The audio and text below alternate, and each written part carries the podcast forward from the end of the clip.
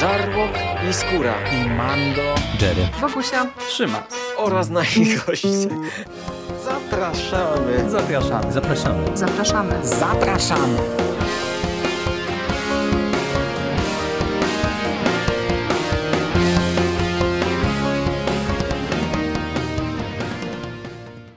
Witamy bardzo gorąco w kolejnym odcinku konglomeratu podcastowego. Jesteśmy na platformie, która zbiera wszystkie Wasze ulubione podcasty w jednym miejscu.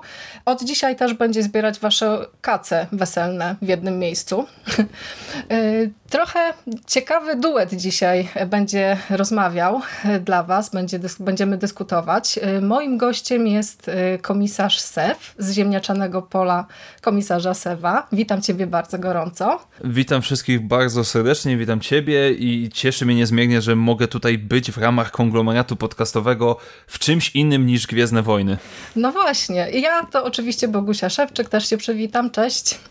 Yy, właśnie, to jest yy, bardzo zaskakujące dla mnie nagranie, bo ja spodziewałam się, że yy, być może nasze podcastowe ścieżki kiedyś się skrzyżują, ale w życiu nie sądziłabym, że y, będziemy się słyszeć przy okazji tematu w sumie trochę karkołomnego, bo e, dzisiaj postaramy się zrecenzować dla Was najnowszy film Wojciecha Smarzowskiego, e, nową odsłonę Wesela, Wesele Anno Domini 2021. E, jest to film, który bardzo mocno dzieli widownię, bardzo mocno dzieli krytyków, dlatego podkreśliłam, że będziemy się starali zrecenzować, bo z tym Smarzowskim to nic nie jest niestety tak bardzo oczywiste. No, obecność Sewa jest y, faktycznie, myślę, że dla wszystkich chyba sporym zaskoczeniem, bo przyzwyczaiłeś nas do tego, że słyszymy się zawsze przy okazji Gwiezdnych Wojen, a okazuje się, że masz też y, szerszą pasję związaną ogólnie z kinem. Mam rację?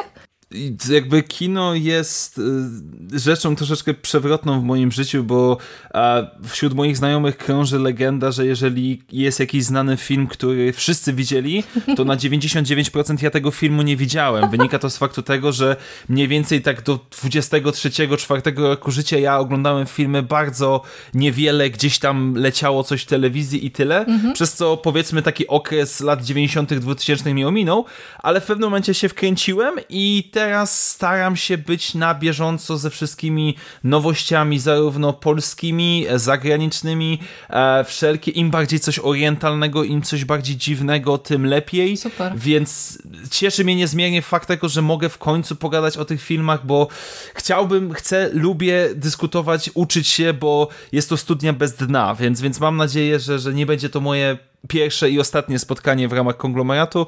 A, no i powiem szczerze, że akurat o weselu bardzo chcę porozmawiać, a, bo jest to Smarzowski, owszem, mm -hmm. jak mhm. najbardziej, ale jest to film, o którym warto rozmawiać. O, dlaczego to później przedstawię najwyżej w następnych częściach? Okej, okay, no właśnie. Smarzowski to jest taki twórca, który e, jest w całym tym tutaj filmowym, polskim, na tym filmowym, polskim panteonie twórcą rzeczywiście bardzo uznanym i szanowanym, chociaż tak jak już wspomniałam, jego produkcje szalenie dzielą krytyków i widownię. Głównie z powodu pewnego rodzaju autorskiego rysu, który, który te filmy e, Smarzowskiego niosą e, z sobą. On jest taki szalenie charakterystyczny charakterystyczne.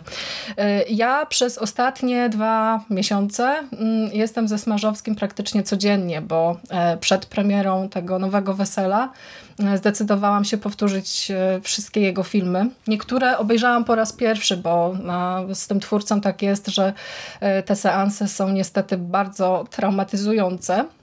Tak, zgadzam się w 100%. Tak, tak, więc na przykład w, ramach tej całej retrospektywy Smarzowskiego udało mi się nareszcie obejrzeć Wołyń, film, którego po prostu szalenie się bałam.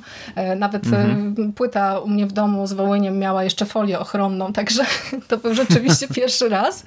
E, no i z tym Smarzowskim jest trochę rzeczywiście tak, że jeśli spojrzy się na jego kino w takich kategoriach właśnie e, w cudzysłowie globalnych, tak szerzej, jako na ogólne takie konkretne zjawisko tej e, powszechnie kojarzonej smażowszczyzny, to powtarzając sobie te filmy tak po kolei, e, do czego cię zresztą, bardzo gorąco namawiam, e, to... Planuję, ale muszę, muszę znaleźć po prostu czas, bo no je, je, trochę tego, mimo wszystko tych pozycji jest. Mhm. Część obejrzałem, ja jakby pamiętam doskonale Wołyń właśnie, na którym byłem w kinie Wow. e, i jakkolwiek to zabrzmi, to był film, który był dla mnie absolutnie rewelacyjny z tych ciężkich. Znaczy Super. się wyjście z kina było na zasadzie no, przez 15 minut człowiek milczał sam do siebie, nie myślał za bardzo, bo no, trzeba było to przetrawić. No a drugi to jest Claire, który, e, który troszeczkę gorzej oceniam, ale też bardzo mi się podobał, chociaż już miał spadek lekki formy względem, względem Wołynia. Więc jakby, jeżeli ja tutaj mogę się wypowiadać na pewno o tych dwóch filmach, reszta jeszcze jest e, przede mną.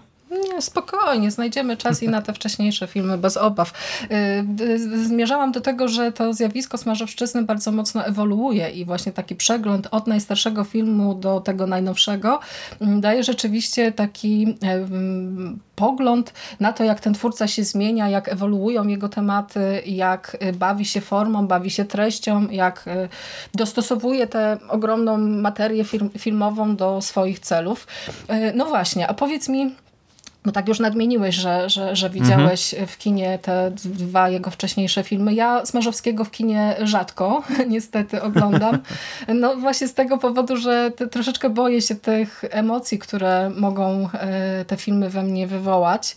E, Do tej pory byłam w kinie na Smarzowskim tylko dwa razy, na Klerze właśnie. To, to, I oczywiście na tym, nowym, na tym nowym weselu pozostałe filmy e, widziałam w zaciszu domowym. I pierwszym filmem chyba Smarzowskiego, który widziałam, był Dom Zły. I pamiętam, że szalenie odchorowałam ten seans. To jest po prostu taka cegła, taki film no, dołujący, odbierający rzeczywiście nadzieję na cokolwiek Yy, i jeszcze oni tam się straszliwie taplają w tym błocku i to wszystko jest takie brudne, ohydne, okropne. Yy, I wcale się nie dziwię Arkowi Jakubikowi, który w jednym z wywiadów wspomniał, że też musiał przejść terapię po, po roli w, w tym filmie, bo właśnie ze Smarzowskim chyba trochę tak jest, że on doprowadza tych swoich aktorów i widzów przy okazji e, do takiej granicy wytrzymałości e, zarówno psychicznej, jak i w przypadku niektórych e, fizycznej. No a co z tobą robi Smarzowski? Dlaczego to jego kino jest w twoim odczuciu e, tak bardzo ważne dla ciebie osobiście? To znaczy, y, pamiętam, że jak czytałem wywiady ze Smarzowskim y, po, po tym weselu i, i gdzieś tam recenzje, no bo oczywiście wiadomo, jak Smarzowski zapowiada nowy film, no to od razu są ci, którzy Wszyscy mówią, się że. gotują, tak. Znaczy tak, są ci, którzy go będą ubóstwiać zawsze i wszędzie, bo pokazuje jaka jest prawdziwa Polska, drudzy będą Mhm. się na niego oburzać, bo pokazuje Polskiej, Polski, której nie ma, no i są ci trzeci, ja się zaliczam do tych trzecich, którzy czekają na nowy film i um, bardzo mi się podobało mimo wszystko stwierdzenie, że Smarzowski czas, często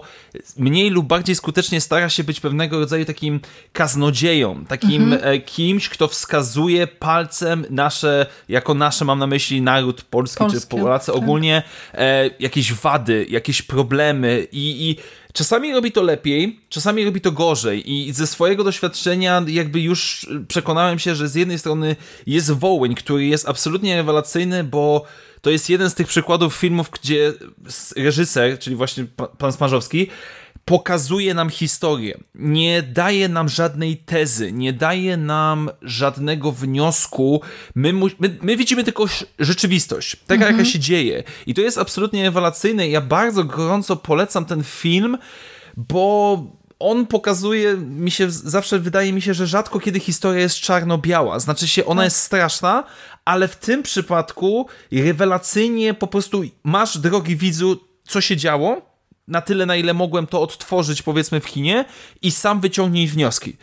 Z Klerem już troszeczkę zbliżamy się do dzisiejszych tematów, więc już jest bardziej i wiem, że przy Klerze jest problem taki, że... Jedna z najgorszych rzeczy, jaka padła na temat tego filmu, to to, że on jest antychrześcijański Tak. Co jest absolutną głupotą, bo gdyby to jeszcze był film na zasadzie, że wszyscy księża są źli, że wszyscy są tam, nie wiem, oszukują, kradną pieniądze, co, cokolwiek byśmy wzięli, to jeszcze bym zrozumiał.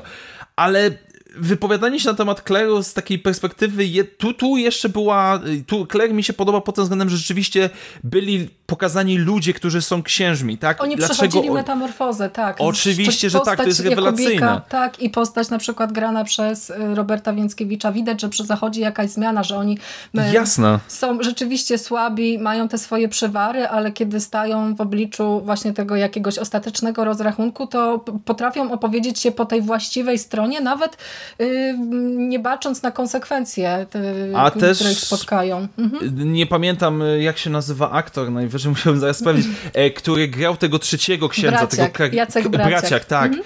Dla mnie to była najlepsza rola, bo teoretycznie na pierwszy rzut oka mamy typowego, stereotypowego księdza, y, który tam bawi się wielkie biznesy, ma żyłkę do tego i tak dalej, i tak dalej, ale mhm. jak poznajemy w trakcie filmu, dlaczego on to robi i z czego Oj, to tak. wynika, to jest właśnie to. Kop to jest... jak w brzuch, wow. No tak, ale właśnie o to chodzi, że Drogi widzu, mówi reżyser, nie bierz tego na czarno-biało. To nie jest tak, że wszyscy są źli albo wszyscy są dobrzy.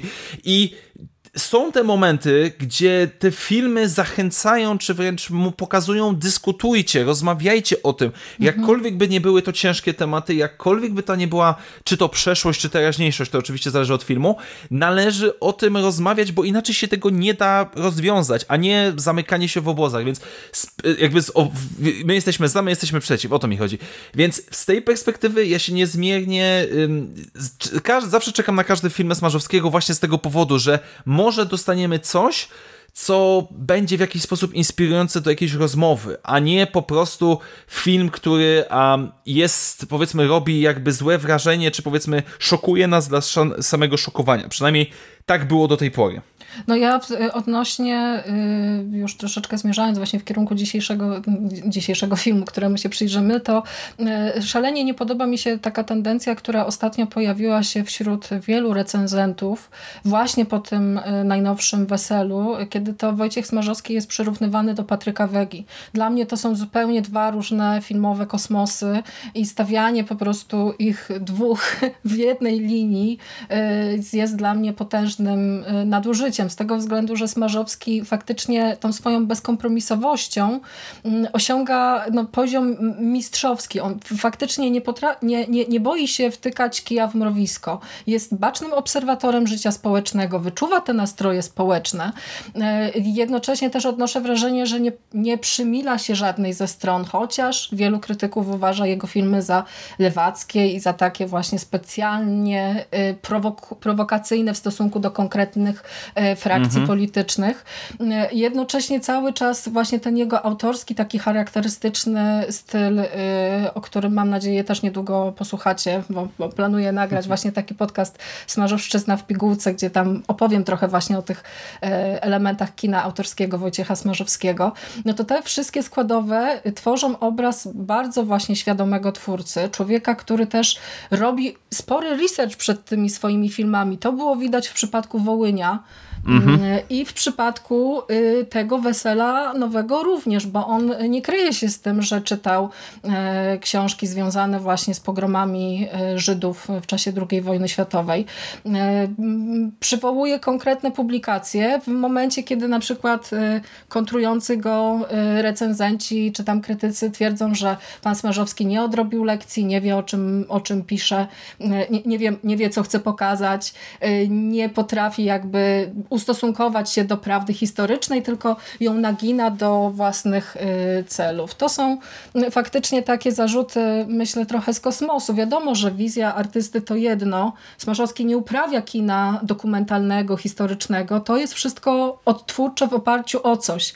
Ale y, ta prawidłowość związana z właśnie tym, jak niektóre rzeczy w społeczeństwie narastają, jest w jego filmach bardzo mocno widoczna. Skąd się bierze zło w człowieku?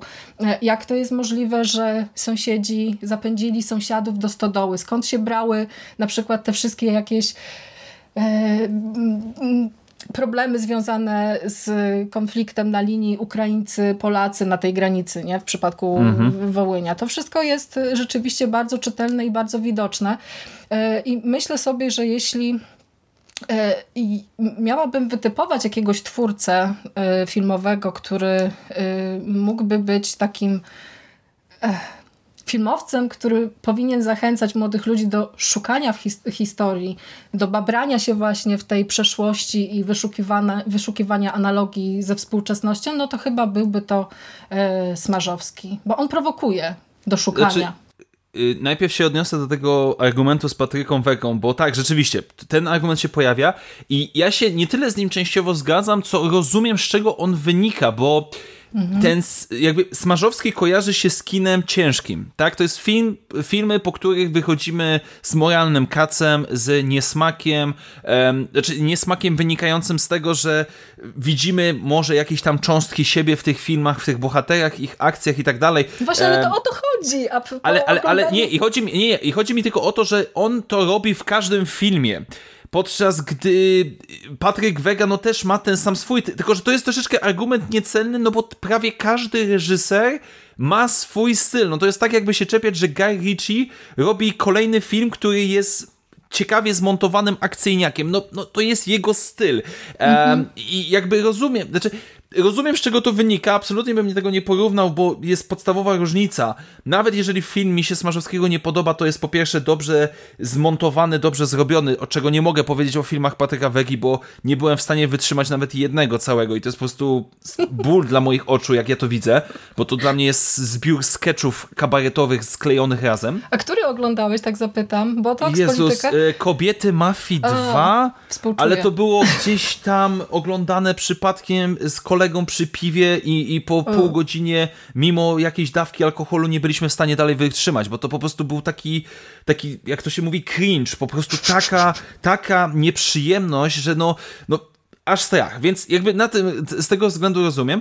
Natomiast Smarzowski jakby może to wynika z faktu tego, że rzeczywiście te filmy są trudne, może są mhm. bezkompromisowe i co nie jest dla każdego. Też nie jest dla każdego ciurkiem. No nie oszukujmy się, większość osób raczej nie chce albo musi się przygotować na taki seans.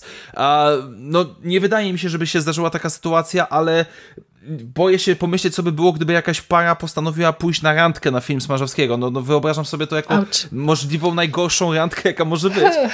Ale y, jak, no mimo wszystko ja go lubię, bo jest to jakby twórca, który ma już jakiś swój styl i póki robi nawet w swoim stylu, ale robi to dobrze, to dla mnie jest jak najbardziej w porządku i też mimo wszystko kino, które czasami zmusza nas do myślenia mhm. e, mocniej niż mniej w tym przypadku, jest jak najbardziej potrzebne, no bo nie oszukujmy się, kino dotyka różnych rzeczy, głównie aspektów rozrywkowych, ale też pewne tematy, jak należy, dobrze poprowadzone, dobrze zaprezentowane, mogą naprawdę mocno zaprocentować y, w tej formie artystycznej.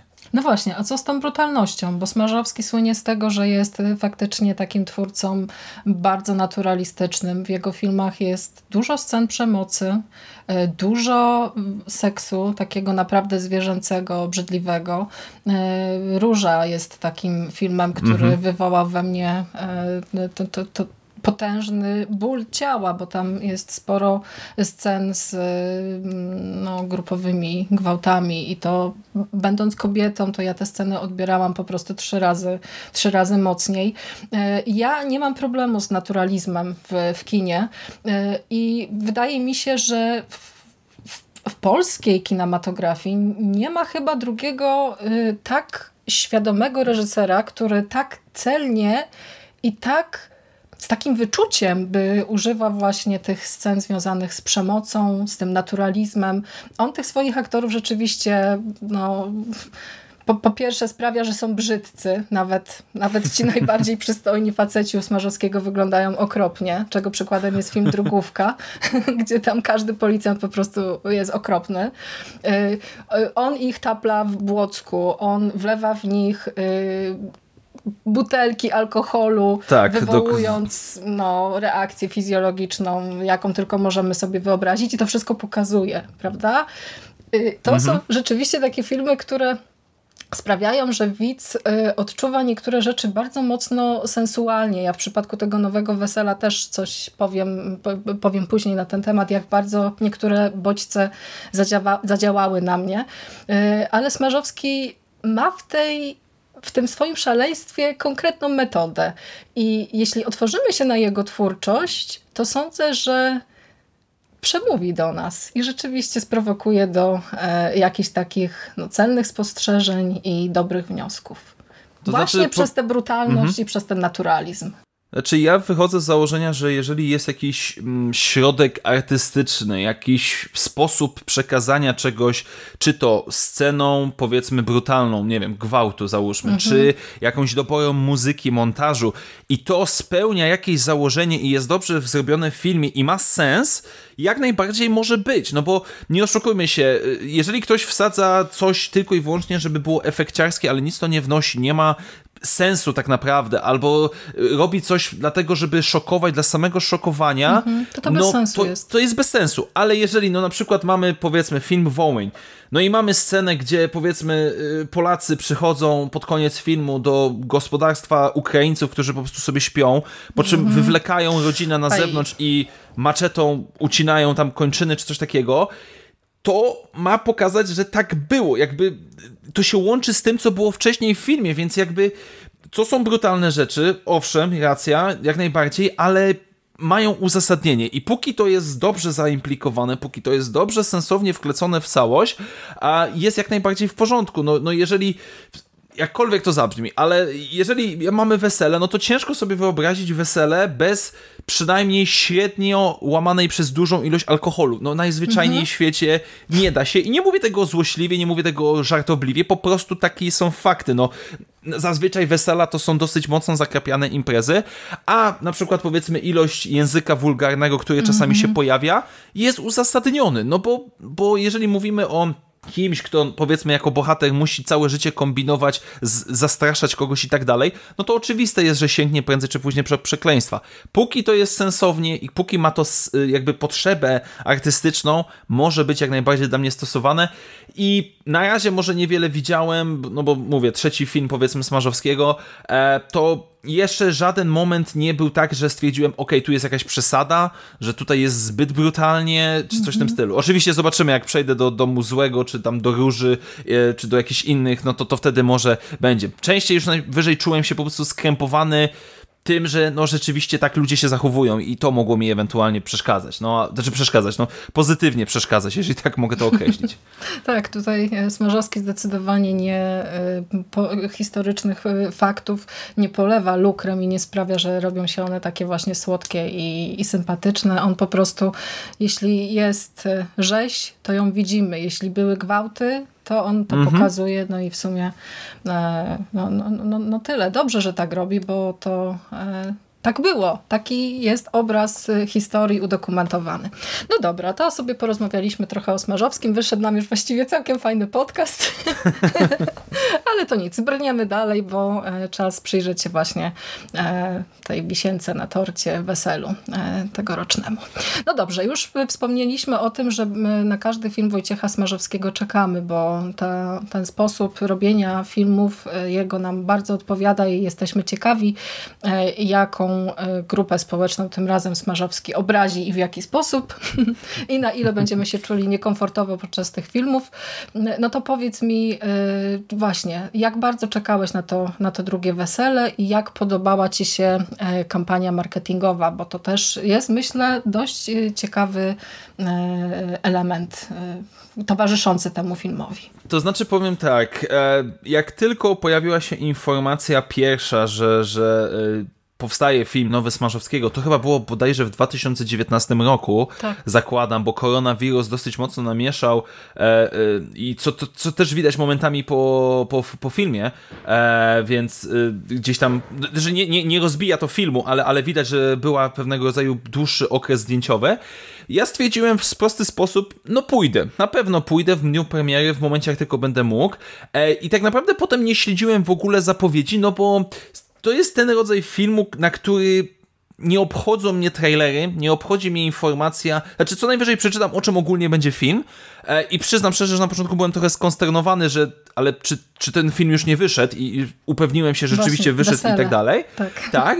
No ale stwierdziłem, dobra, zobaczymy, e, bo, bo raczej jest to rzecz taka, no, no tak jak mówiliśmy wcześniej, w cudzysłowie nieprzyjemna. Ja i tak pójdę na ten film i nieważne jak się przygotuję, on będzie w jakiś sposób e, ciężkim doznaniem, mniej lub bardziej, więc ja stwierdziłem, dobra, dziękuję, to jest ten twórca polski, e, który, na którego idę w ciemno. Nawet jeżeli powiedzmy, nie wiem, ewentualnie za 5-6 filmów będę miał go dosyć, no to i tak tak pójdę gdzieś tam z nadzieją, że kiedyś coś mu wyszło, więc teraz też miejmy nadzieję, że wróci, ewentualnie tam, jeżeli coś by mu nie poszło w przyszłości. Więc ja tutaj jakby w ciemno dziękuję, biorę go w całości. No właśnie, z tym Smarzowskim trochę jest tak, że y, wszyscy jesteśmy ciekawi. Tutaj ta ciekawość rzeczywiście y, przeważa, jeśli chodzi y, o oczekiwania związane z kolejnymi jego filmami, bo ja się wielokrotnie zastanawiałam, tak już właśnie patrząc szerzej na twórczość Wojciecha Smarzowskiego i, i co on jeszcze wymyśli, jak bardzo przesunie te granice tego, co wolno, co wypada pokazywać w polskim filmie. Odnośnie tego nowego wesela, to ja rzeczywiście też y, śledziłam dość intensywnie te wszystkie materiały promocyjne, które się e, pojawiały. E, szalenie podobał mi się ten pierwszy plakat, który był też dość szeroko e, krytykowany w mediach. Tam mamy sylwetkę Michaliny Łabacz, panny młodej w ciąży, z bukietem, z płonącym bukietem kwiatów, e, takim ślubnym właśnie i jakoś tak e, wydało mi się to szalenie intrygujące, bo ja też zastanawiałam się, jak bardzo to nowe wesele będzie korespondowało z pierwszym filmem Wojciecha Smarzowskiego, mhm. z tym weselem z 2004 roku i obawiałam się trochę tego, czy to nie będzie taka dyskusja z samym sobą, nie? bo to fajnie jest, kiedy twórca opowiada coś na nowo poprzez własną twórczość na takiej zasadzie, że gdzieś tam odwołuje się do czegoś, do swoich przemyśleń sprzed lat, y, ale bałam się, że Smarzowski i te, to jego wesele, te jego tematy to będzie coś takiego co spowoduje, że trochę zje właśnie ten swój ogon, nie? trochę się zapętli w tych wszystkich wnioskach i że mhm. faktycznie nie będzie miał nic ciekawego do powiedzenia. E, na etapie pierwszych y, zdjęć z planu, no to mm, wydawało mi się, że będzie to rzeczywiście taki film y, mocno w klimacie pierwszego wesela, bo głównie dostawaliśmy właśnie e, bohaterów z tego współczesnego wątku, e, czyli gdzieś tam Arek Jakubik, Państwo Młodzi, Robert Więckiewicz, mm -hmm. czyli ten, ten wątek rzeczywiście bardzo, bardzo współczesny. No i na etapie zwiastuna już też byłam prawie w 100% pewna, że to wszystko będzie się rozbijało o to tu, teraz i o to, jak wygląda obecnie ta podzielona, e, ta podzielona Polska. E, ten zwiastun jest trochę mylący i wydaje mi się, że on robi nieco złego marketingu e, temu filmowi, bo sugeruje rzeczywiście taką lekką, znaczy w cudzysłowie lekką, mhm. w lekką stylu Smarzowskiego. E, komedię, jakąś taką właśnie tragifarsę, e, coś na zasadzie jakichś takich właśnie przerysowanych scenek z życia wziętych właśnie z tego wesela, a to w żaden sposób nie odzwierciedla tego, jaki ten film jest naprawdę i co, co dostajemy, jakie sceny i jaki ładunek emocjonalny on ze sobą niesie.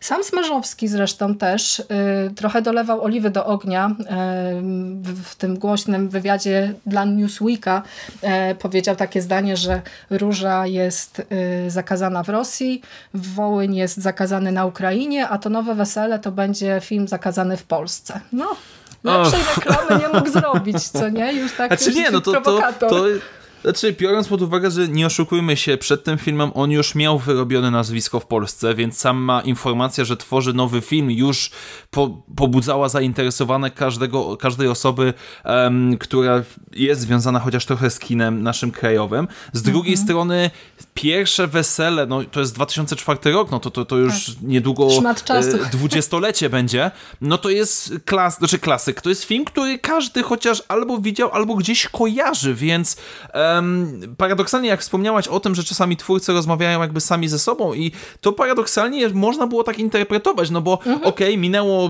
18-17 lat, może się coś zmieniło, bo autentycznie porównanie starych, klasycznych wesel, czy coś się zmieniło dzisiaj, to też jest jakiś pomysł na film. E, więc, więc jakby tutaj powiedzmy, nie wiem, jakiś konflikt pokoleniowy na zasadzie stare pokolenie chce robić po staremu, nowe po nowemu i tutaj spokojnie można byłoby z tego wyciągnąć nawet jakiś, jakiś film, więc um, no czy to był, znaczy zakładam, że to jest przemyślany marketing. To, to, to jest po prostu coś, co ma być, co ma działać, no i też raczej mimo wszystko Smarzowski nie jest twórcą, który musi się obawiać o ilość ludzi w kinach. To jest raczej dolewanie takie, no, właśnie tak jak mówiłaś, oliwy do ognia, bardzo, bardzo, bardzo już takie żeby dodać tej pikanterii, chociaż z drugiej mm. strony, kiedy on po premierze filmu gdzieś tam właśnie w wywiadzie wspominał, że on stworzył ten film dla siebie, z jakby potrzeby, nie, nie, tak, tak. tak, z potrzeby własnej, to trochę to tak stoi w sprzeczności z tym takim, że o, w Polsce jakby, no trochę mi się to dziwi, bo z jednej strony jest takim powiedzmy skromnym twórcą z tego, z tego wywiadu, że ja miałem taką wewnętrzną potrzebę i tak dalej, i tak dalej. Z drugiej strony przed filmem mówię, że tutaj chcę zrobić trochę show, no w cudzysłowie. Więc, więc no, ale nie oszukujmy się, mówimy o tym, rozmawiamy o tym, było o tym mówione, więc, e, więc no jest marketing, a, a, zgodnie z jedną z zasad, nieważne jak mówią, ważne, że mówią, e, może, może w tej szaleństwie jest metoda.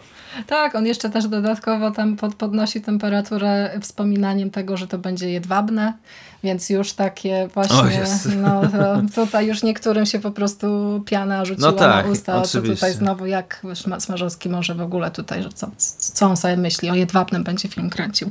No. no tak. Y, fatalny plakat ma y, ten film, bardzo mi się nie podoba ten plakat z taśmą klejącą na ustach. Ja go znaczy... nie rozumiem do tej pory. Jakby nie, nie, nie, wiem, nie wiem, co ta taśma klejąca ma oznaczać. Wiesz, bo przemilczana prawda. Sef, przy... prawda, którą trzeba zamieść pod dywan dywan zapomnieć, y, nic na ten temat y, nie mówić.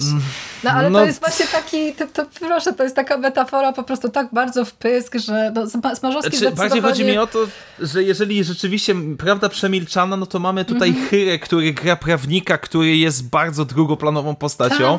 Tak. Mamy, yy, przepraszam, aż, aż, muszę sprawdzić, yy, Arkadiusza Jakubika, Jakubika, który gra, no też raczej postać mocno drugoplanową, więc no, no czemu oni są na plakacie? Dobra, okej, okay. więc jakby sam plakat absolutnie mnie nie interesuje. Dopiero chyba y, kiedyś idąc na jakiś inny film po weselu zauważyłem, że tam nie jest L, tylko sierp, więc To nie jest stwierdziłem... sierp, to właśnie wszyscy myślą, że to jest sierp, a to jest y, y litera z alfabetu y, hebrajskiego, tak zwany lamet. Tu wszyscy też się właśnie Aha. pyszczyli y, z tego powodu, że to co tutaj sierp na tym, na tym plakacie. No, no, no to, chociaż na dobra. pierwszej wersji on rzeczywiście wyglądał jak sierp, tak, ten plakat z panną młodą, to... No jak teraz się mhm. przyglądam, to, to, to święcie jestem przekonany, ale dobra, no nie znam hebrajskiego, więc okej, okay, niech będzie, dobrze. No, no sam, pla znaczy, sam plakat, no absolutnie jakby szału nie robi, no ale też jakby mhm. dla plakatu nie chodzimy do kin, więc... Oczywiście, więc, no. oczywiście. A dlaczego Jakubik, dlaczego Hyra? Bo to są y, znane twarze. Jakubik, aktor no tak. Smarzowskiego, więc no, to grał prawie we wszystkich jego filmach, także co to za film Smarzola, jak nie ma, nie ma Jakubika. To, no tak, ale to też można na przykład zaznaczyć, że sam film, e, dopiero teraz ten plakat pokazuje młodego dziadka Więckiewicza, znaczy się Wilka, jakby mhm, Młody Tak, tak, dopiero tutaj widzimy tylko i wyłącznie młodego, no ale też nie oglądając filmu absolutnie nie wiemy kto to jest, więc jakby no, no jakiś młody człowiek w tle naprzeciwko jakiejś młodej kobiety, więc, więc tak. rzeczywiście o co chodzi? Zakładam, zakładam, że to było trzymane do końca w jakiejś tam tajemnicy. No właśnie. Trzymane w tajemnicy do 8 października, e, kiedy to film oficjalnie trafił do, do polskich kin. Tak? Ten film antypolski, już gdzieś tam właśnie opluwany przez tych, którzy mieli okazję zobaczyć go na pokazach przedpremierowych. No tak, mamy premierę i mamy weekend otwarcia, kiedy to na najnowszy film Wojciecha Smarzowskiego do kin wybrało się 140 tysięcy widzów. To miało naprawdę, e, to, to jest film, który e, spośród tych polskich premier po covid mhm. E, ma naprawdę bardzo dobre otwarcie. Imponująca liczba. Ja też byłam, hmm, chciałam się wybrać w ogóle w piątek już na jeden z tych pierwszych seansów tutaj u mnie w mieście, ale stwierdziłam, że pójdę, pójdę w sobotę, trochę się jeszcze mentalnie, psychicznie przygotuję na to, co, co też tam ten Smarzowski mi zaserwował. No i się wybraliśmy. Sala wypełniona. Ale a propos tego marketingu, o którym wspomniałam, że to jest y, ten trailer robi także trochę złego marketingu temu filmowi, no to też y, spotkaliśmy na sali kinowej y, parę osób właśnie, którzy chyba byli przekonani, że wybrali się na taką właśnie lekką, fajną, trochę prześmiewczą komedyjkę. Koledzy obok nas, taka grupka sześciu chłopa z podwągrowieckiej miejscowości sobie usiedli i tam robili jakieś chyba relacje relacje na żywo, yo, yo, jesteśmy na Smarzowskim, za chwilę się zacznie, aż w końcu jeden z widzów e, siedzący za nami po prostu zwrócił uwagę, że gościu, weź się opanuj. Tak, oczywiście popcorn, oczywiście właśnie naczosy, ale y, kiedy film zaczął już się rozpędzać i kiedy ta y, przemoc y, prezentowana przez Smarzowskiego zaczęła eskalować, to nagle y, zapadła taka dziwna cisza. No, nie, nie jestem absolutnie zaskoczony, e, bo znaczy. No ja mam troszeczkę inny odbiór, bo e, jakby no, nie, nie wiem, czy, czy, czy, już mogę przejść jakby do, do takiej mojej częściowej przynajmniej oceny bezspoilerowej oczywiście, ale tak, rzeczywiście też sala, sala była pełna, ale no ja przyznam szczerze, że ja, ja po jakichś 45-50 minutach zacząłem przewracać oczami łączone z patrzeniem na zegarek, ile jeszcze zostało. Tak, ja jestem e, bardzo, może nie bardzo zawiedziony, ale zawiedziony. Tak, tak. Znaczy, zaraz mogę ewentualnie. Oczywiście, że wyjaśnię dlaczego bardziej, e, ale absolutnie, no, ja jestem zawiedziony filmem dosyć mocno. E, I nie chodzi o tematykę, nie chodzi o brutalność, nie chodzi o poruszane tematy, nie chodzi nawet o wykonanie same filmu, tylko mm -hmm. ja mam problem z pomysłem oraz sposobem przekazywania wiadomości, czy też powiedzmy tego przesłania filmu. I, I, to jest coś, co mnie strasznie, strasznie y, zabolało w czasie oglądania tego filmu. No tak, my się z Sewem nie umawialiśmy. Y, nie, nie, Aha, wiedz tak. nie wiedziałam, jaki jest odbiór, także tutaj te wszystkie dziwne dźwięki, które się zarejestrowały na dyktafonie, to, to jest moje zdziwienie, moje zaskoczenie, bo ja tu się spodziewałam, że po prostu spotka się dwójka y, ludzi, którym się ten film bardzo podobał i tak będziemy tutaj wyciągać z rękawa argumenty, dlaczego jest tak super, a tu się okazuje, że Seb rzeczywiście y, bardzo mocno mnie zaskoczył tą swoją ogólną opinią. Ja dostrzegam y, pewne problemy w tym filmie. Y, jest ich nawet całkiem, całkiem sporo. Jest to związane głównie z ogromnym chaosem takim narracyjnym, mhm. scenariuszowym, bo odnoszę wrażenie, że Smarzowskiemu zależało na tym, żeby w tym filmie zawrzeć wszystko, przez co to przesłanie, które powinno być najważniejsze, tak jak niektórzy recenzenci twierdzą właśnie, że to jest e, film zrobiony troszeczkę pod, e, pod pewną tezę i te wszystkie sceny, które widzimy, no to mają być potwierdzeniem tej, tej tezy, no to to przesłanie gdzieś tam się właśnie gubi po prostu w gąszczu jakichś takich pomysłów, e, które jedne są lepsze, drugie są gorsze. Trochę mi zabrakło tego ducha montażu Wojciecha Smarzowskiego, bo ja e, bardzo tęsknię za tym jego takim ucinanym, szarpanym montażem, który e, mhm. w tych wcześniejszych filmach mocno e, dynamizował to, co oglądaliśmy na ekranie. Ale jeśli miałabym określić moje odczucia względem tego filmu, no to na pewno postawiłabym go w pierwszej trójce najlepszych filmów Wojciecha Smarzowskiego. Jest to po prostu... Ja hmm. wychodząc z kina czułam się tak, jakby ktoś mnie walnął łopatą w momencie, kiedy leżałam, skopał, po prostu pociągnął ze samochodem i taką właśnie rozdroganą zostawił na środku ulicy i powiedział radź, radź sobie, masz. E, znaczy, bardzo, znaczy, rozśmieszyło mnie to, jakie określenie użyłaś pierwsze, że poczułaś się jakby ktoś cię walnął łopatą, bo paradoksalnie ja czuję się tak samo po tym filmie. Tylko ja się czuję troszeczkę tak, jakby ktoś próbował, nie wiem, tonę węgla wsypać mi łopatą do gardła Ała. na zasadzie, drogi widzu, e, no nie jesteś zbyt ogarnięty, więc ja ci teraz przez 2 godziny i 15 minut będę mówił, jakie są wnioski z mojego filmu. Mm -hmm. I, I po prostu już w pewnym momencie miałem Miałeś tego dość. najzwyczajniej w świecie serdecznie w dość tej bezpośredności, tej, tej, jak ja to nazywam, traktowanie widza jak idioty w pewnych momentach, e, co już momentami zakrawało u mnie o jakąś wręcz parodię jakiegoś opowiadania historii. Po prostu coś, ja się już czułem, czułem tak niewygodnie. Ja się czułem po prostu jak na jasełkach szkolnych albo na wycieczce szkolnej do kina, gdzie oglądaliśmy, nie wiem, yy, piątek 13, znaczy Janek Wiśniewski patrzy, Karol Wojtyła, człowiek, który został papieżem i, i po prostu już w pewnych momentach miałem taki przesyt, tego, tej, tego wniosków, tych, tych, tych przekazów, ja takie umiem czytać kino, umiem czytać między wierszami.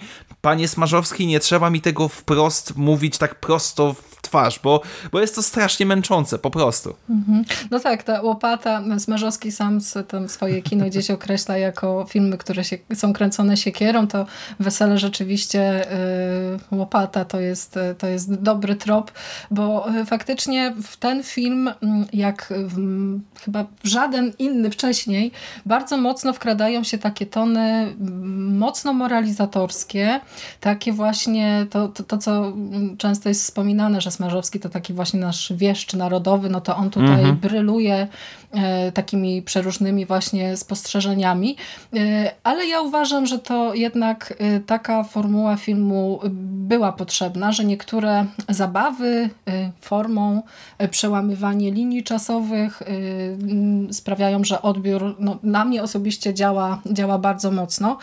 Czy, te, ci, czy ci bohaterowie są kreśleni grubą kreską? No pewnie. Czy mamy tutaj ogrom schematów, stereotypów, jakichś takich właśnie klisz? Y, no jasne, że tak. Czy widz może mieć wrażenie, że już to wszystko widział wcześniej i widział to właśnie w filmach Smarzowskiego? No tak, możemy odczuć, mhm. odczuć takie, y, te, te, te, takie myśli mogą nam się y, pojawić, pojawić gdzieś tam w głowie, ale myśl, sądzę, że e, jednak nie, nie, wiem, jak będzie mm, z próbą czasu, jak ten film obroni się, kiedy będę go oglądać na przykład za rok, dwa, trzy. E, czy ten komentarz y, i ta wymowa będzie nadal dla mnie ważna, ale jestem zdania, że w tym filmie jest jedna z najmocniejszych scen e, rzezi, ludobójstwa, jaką widzieliśmy w ogóle w, w polskim kinie. Mm -hmm. I chociażby dlatego warto e, ten film zobaczyć, warto się z nim zmierzyć e, i gdzieś tam po którejś z tych stron, które my również reprezentujemy, jak się okazuje, się po prostu opowiedzieć, ustosunkować. No dobra, chcesz jeszcze coś? Bo chciałabym ogólnie. Znaczy tutaj... nie, przejdźmy dalej, bo to w trakcie omawiania, czy też nawet w trakcie bardziej tego spoilerowego, po, w drugiej mhm. połowie, powiedzmy, wtedy się rozwinę, że tak powiem. Dobra, właśnie, bo chcielibyśmy już zaznaczyć, że ten, teraz, w tym momencie, rzeczywiście kończy się taka strefa z naszymi tutaj ogólnymi spostrzeżeniami. E, wiecie mm, kto jest zachwycony, kto trochę mniej, więc y, możecie sobie teraz rzeczywiście gdzieś tam wybrać się do kina albo poczekać na, e, na seans gdzieś w domowym zaciszu, e, na seans tego filmu i, i wrócić do tej dyskusji spoilerowej, bo niektóre rzeczy faktycznie strasznie trudno będzie nam wytłumaczyć bez tak. zagłębiania się w detale, więc to, ta, ta, ta, ta strefa spoilerowa e, jest bardzo potrzebna. My tak gdzieś kręcimy się wokół tego tematu cały czas i mm, właściwie nawet nie y, określiliśmy, jak przebiega fabuła, o co chodzi w ogóle w tym y, nowym Weselu Wojciecha Smarzowskiego. Y, a fabułę można streścić rzeczywiście w trzech zdaniach. Mamy bohatera, który nazywa się mm, Rysiek Wilk. Rysiek Wilk jest przedsiębiorcą zajmującym się produkcją mięsa w małej miejscowości w okolicach Łomży. Prowadzi swój zakład i nadchodzi wielki dzień. Y, podwójnie, bo z jednej strony ma podpisać y, bardzo ważny dla niego kontrakt z niemiecką jakąś tam firmą, która ma sfinansować y, poszerzenie jego, jego zakładu i to wszystko zbiega się z datą wesela, ślubu jego córki Kasi, Kasi Wilk, z gościem, który nazywa się, ja w ogóle dopiero teraz sobie uświadomiłam, jak nazywa się ten pan młody i to szalenie mi się wydało takie znamienne w stosunku do tego, jaka jest ta postać, bo y, facet nazywa się Janek Szczuczyński. Szczuczyński, tak, tak, tak, tak od, od szczucia i od takiego właśnie, e, tak, tak, mi się bardzo skojarzyło, bo on też jest e, piłkarzem w ogóle i ma bliskie kontakty z jakimiś tam właśnie kibolami, e, mhm. żeby nie rzec wprost z narodow, narodowcami, różnymi właśnie takimi E, ludźmi głośnymi, e, którzy są za tym, że Polska dla Polaków i tak dalej, i tak dalej. Co, ten... jest, co jest zaznaczone w, w, samym filmie, bo jest ta scena, gdzie oni mu powiedzmy tworzą bramę weselną, gdzie, gdzie zaczynają lecieć właśnie... Ale w ogóle te tak... okrzyki, ja po prostu siedziałam tak. i złapałam się za głowę i mówię, kurczę, ale to na tych, na tych weselach właśnie ludzi związanych z tymi kręgami, to podejrzewam, że właśnie tego typu hasła tam są rzucane, nie? Tam żadna miłość. Znaczy, nawet nie, to nie musi być nawet wesele, to, to może być po no prostu no czasami ustawka przed me, mecz po prostu, więc jakby tutaj nie pada, jakkolwiek może to zabrzmi dziwnie z moich ust, no nie pada tutaj nic nowego, jakby to są standardowe hasła, które są znane już od, od dawien dawna, więc, więc pod tym względem tu, tu, tutaj tak, jeżeli ktoś kiedyś słyszał, no to, no, no to na pewno kojarzy je. No dobrze, okej. Okay. Oprócz, y, oprócz wesela, bo obserwujemy oczywiście przygotowania do ślubu, obserwujemy jak ta uroczystość y, przebiega, jak y, biesiadnicy szaleją, piją alkohol i tak dalej, i tak. Nasz bohater Rysiek musi oczywiście uporać się z pewnymi problemami związanymi z tym, że ktoś go szantażuje. Tam z jego fabryki uciekła świnia, która doprowadziła do wypadku na drodze, więc gdzieś tam próbuje niektóre rzeczy za zamieść pod dywan, pod dywan. Słowem, no, wesele, ale z drobnymi problemami. I jednocześnie mamy drugi wątek, który jest skupiony wokół Antoniego Wilka, e, ojca Ryśka, e, dziadka panny młodej, który akurat w ten dzień jej ślubu otrzymuje z medal zasłużony, zasłużony dla, narodu... dla narodów świata, tak. chyba tak się nazywa ten tytuł. Mhm, tak, odznaczenie przyznawane tym y, ludziom, którzy pomagali y, Żydom w trakcie wojny, y, ratowali ich przed, przed zabiciem, przed śmiercią. No i właśnie całe to, mm, to wydarzenie w naszym panu Antonim uruchamia retrospekcję, jakieś takie właśnie wspomnienia związane z tym, jak to było w czasie wojny, jak to było przed wojną, kiedy to zakochał się w pięknej e, Żydówce. No a że ich miłość trafiła na bardzo trudny czas, no to możemy się domyślić, e, że ta historia raczej nie zakończy się e, happy endem. No i mniej więcej wokół właśnie tych wszystkich mhm. rzeczy, o których wspomniałam, skupia się, skupia się cały, cały film. To są właśnie te główne e, jakby tematy. I już od razu na początek muszę powiedzieć, że szalenie zaskoczył mnie ten zabieg właśnie podzielenia fabuły na dwa tory. Mamy to, co było kiedyś, czyli to wszystko mhm. związane z osobą dziadka Antoniego i tych jego wspomnień, czy tam wizji, bo to też e, w pewnym momencie zaburzenie czasu, przestrzeni, e, tego, co jest realne, a co nie, to, to, to wszystko właśnie się tak rozmywa, ładnie przenika. Z tym, co jest tu i teraz, e, z problemami świata współczesnego i jednocześnie ze sporym komentarzem związanym z tym, jak bardzo podzielonym krajem jest, e, jest w tej chwili Polska.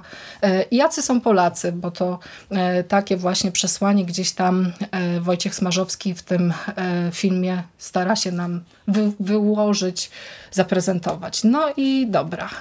No to z czym masz problem? Tak naprawdę, jak, jak, pamiętam, że ostatnio jak, jak, rozmawiałem ze swoimi znajomymi, którzy pytali się, czy, czy byłem na tym weselu i jak oceniam, no to ja w sumie mam bardzo prostą ankietę. Czy widziałeś Pierwsze wesele widziałem. Czy tak. widziałeś Wołeń? Widziałem Wołeń. Tak. No to tak naprawdę nie masz na co iść. O. Bo ja mam straszny problem, że oglądając ten film mam wrażenie, że dwie różne osobne historie, które mogłyby spokojnie funkcjonować osobno, osobno jako współczesne wesele, nawet nie chodzi o wesele, że wesele byłoby pretekstem, bo paradoksalnie y, ten Ryszard Wilki, te wszystkie jego knowania, spiskowania i tak dalej, mogłoby spokojnie pociągnąć cały osobny film. Z drugiej strony ta przeszłość Antoniego, czyli tego dziadka, powiedzmy, pani młodej, e, spokojnie mogłoby funkcjonować jako drugi film, tylko że znów mielibyśmy nowszą, odświeżoną wersję Wesela, a druga wersja, no to byłoby no, zmodyfikowany Wołyń. I, I, ja mam z tym problem, bo y, to są. Przez co bardzo mocno widać, że te dwie rzeczy musieliśmy skupić w jedną całość, przez co mhm. niektóre rzeczy trzeba było wyciąć, znaczy wyciąć, uprościć. I tak jak wcześniej mówiłaś e, o tych bohaterach, którzy są rysowani grubą kreską i tak dalej, moim nie tyle problemem, co spostrzeżeniem jest to, że poza trzema, czterema bohaterami we współczesności, cała reszta jest narzędziami, które są, żeby pokazać jakieś te cechy. Najbardziej mnie, jakby najlepszym przykładem moim zdaniem w tym y, na to jest postać Zajdela, to jest y, mhm. grany przez Roberta Wabicha, to jest jeden z tych tak, asystentów tak. Ryszarda, który ma żonę, która nie chce siedzieć na początku z, y, wesela z czarnoskórym przy jednym stole, no bo on jest jakiś dziwny i w ogóle. Potem w trakcie wesela zaczyna z nim tańczyć, potem następna scena z nim jest, jak uprawia z nim seks w, tam w kuchni czy gdzieś jakiejś piwnicy, a potem zdradzony mąż e, ogłusza tego czarnoskórego butelką.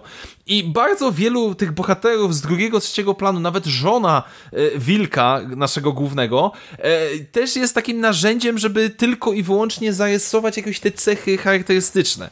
I o ile jakby no, mam z tym problem, bo no, wpakowano nam dwa filmy mhm. w jeden tak naprawdę i nie za bardzo połączono to.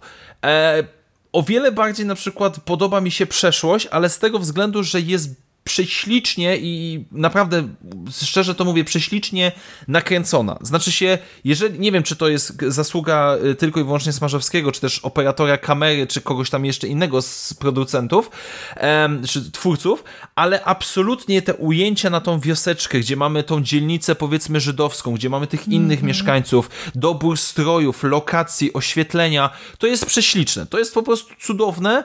E, no i gdyby nie tematyka, to mo moglibyśmy dostać piękny sielankowy obraz życia w okolicach II wojny światowej w Polsce, tak? No mówię. Więc jakby dla mnie jest to problem taki, że nie ma czasu nic za bardzo wybrzmieć.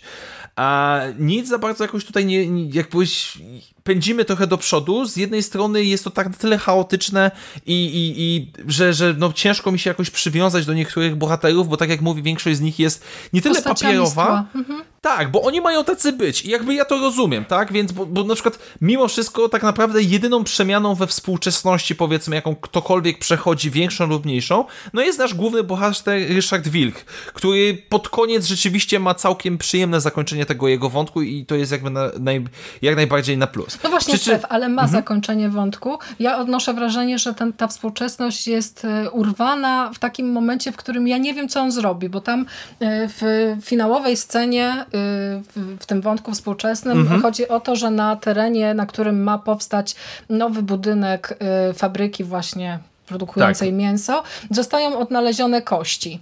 I e, mhm. nasz wilk e, zatrudnia dopiero co sprowadzoną e, z Azji, Azji gdzieś. Właśnie tak, siłę roboczą do tego, żeby te kości usunąć.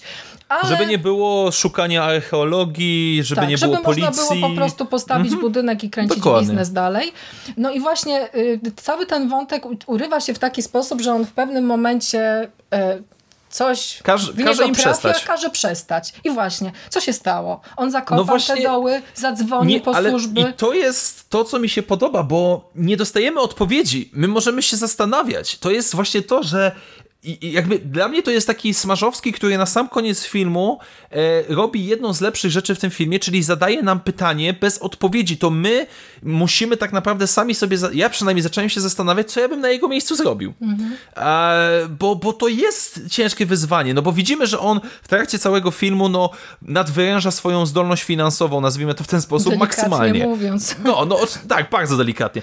Ale właśnie o to chodzi, bo on teraz stoi na krawędzi upadku, że ona chce go zostawić. E, córka, no praktycznie męża miała przez jakieś dwie godziny może, czy tam trzy, mm -hmm. albo przez czas trwania wesela. On sam już ma problemy, gdzieś tam się zdarza. Niby tych Niemców zaszantażował, i teraz pytanie, czy postąpić teoretycznie godnie, czyli zgłosić to wszystko i spróbować jakoś wyrównać swoje życie w biedzie, zakładamy, mhm. czy brnąć w to dalej. I to jest strasznie mi się podoba to zakończenie, bo to jest rzeczywiście takie, że i też mimo wszystko Więckiewicz dostarcza w tym momencie, ogólnie przez cały film, aktorzy wszyscy praktycznie dają świetnie radę, ale w tym momencie Więckiewicz po prostu no i widzimy na nim, na jego twarzy konsternację, widzimy tą walkę.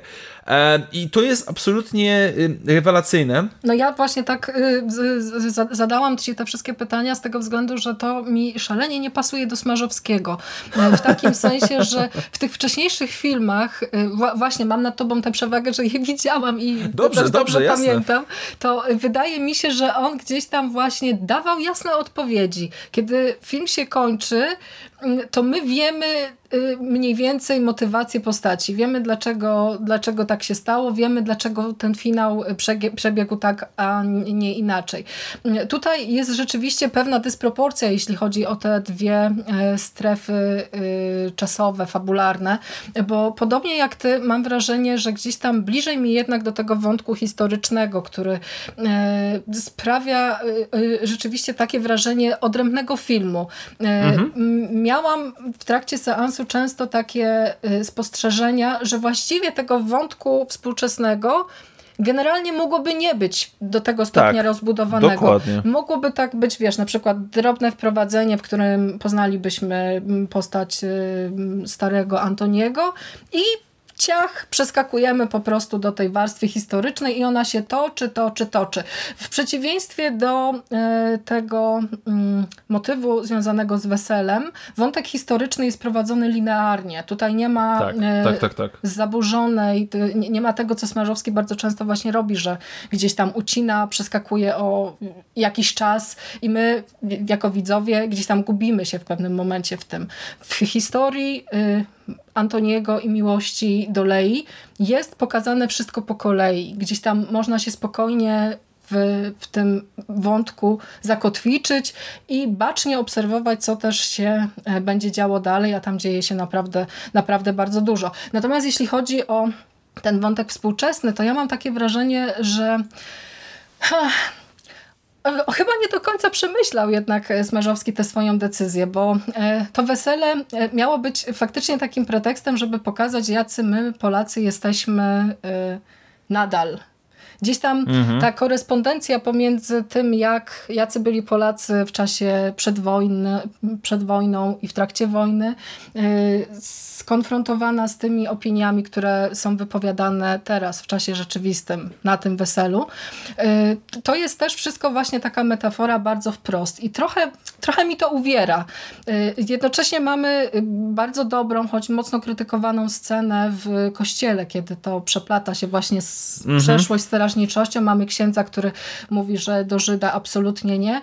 Ciach, a ksiądz we współczesności mówi, że tęczowa zaraza i tak dalej, i tak dalej. I właśnie w tym momencie możemy, y, znaczy ja przynajmniej przejdę do mojego głównego zarzutu względem tego filmu, czyli, czyli tej przysłowiowej, wcześniej wspomnianej łopaty, mhm. gdzie Smarzowski traktuje mnie jak idiotę, bo scena w kościele, bo do sceny w kościele było jeszcze w porządku. Znaczy się, dobra, okej, okay, widzę, są szumowiny na ekranie, są knowania, spiskowania i tak dalej, ale w momencie, kiedy właśnie mamy to przejście, gdzie mamy tego współczesnego księdza o tęczowej zarazie i tak dalej, niech będzie, i mamy to przeniesienie na księdza, który tam te 70-80 lat temu mówił w podobnym tonie, tylko do innej grupy docelowej, czy o innej grupie docelowej.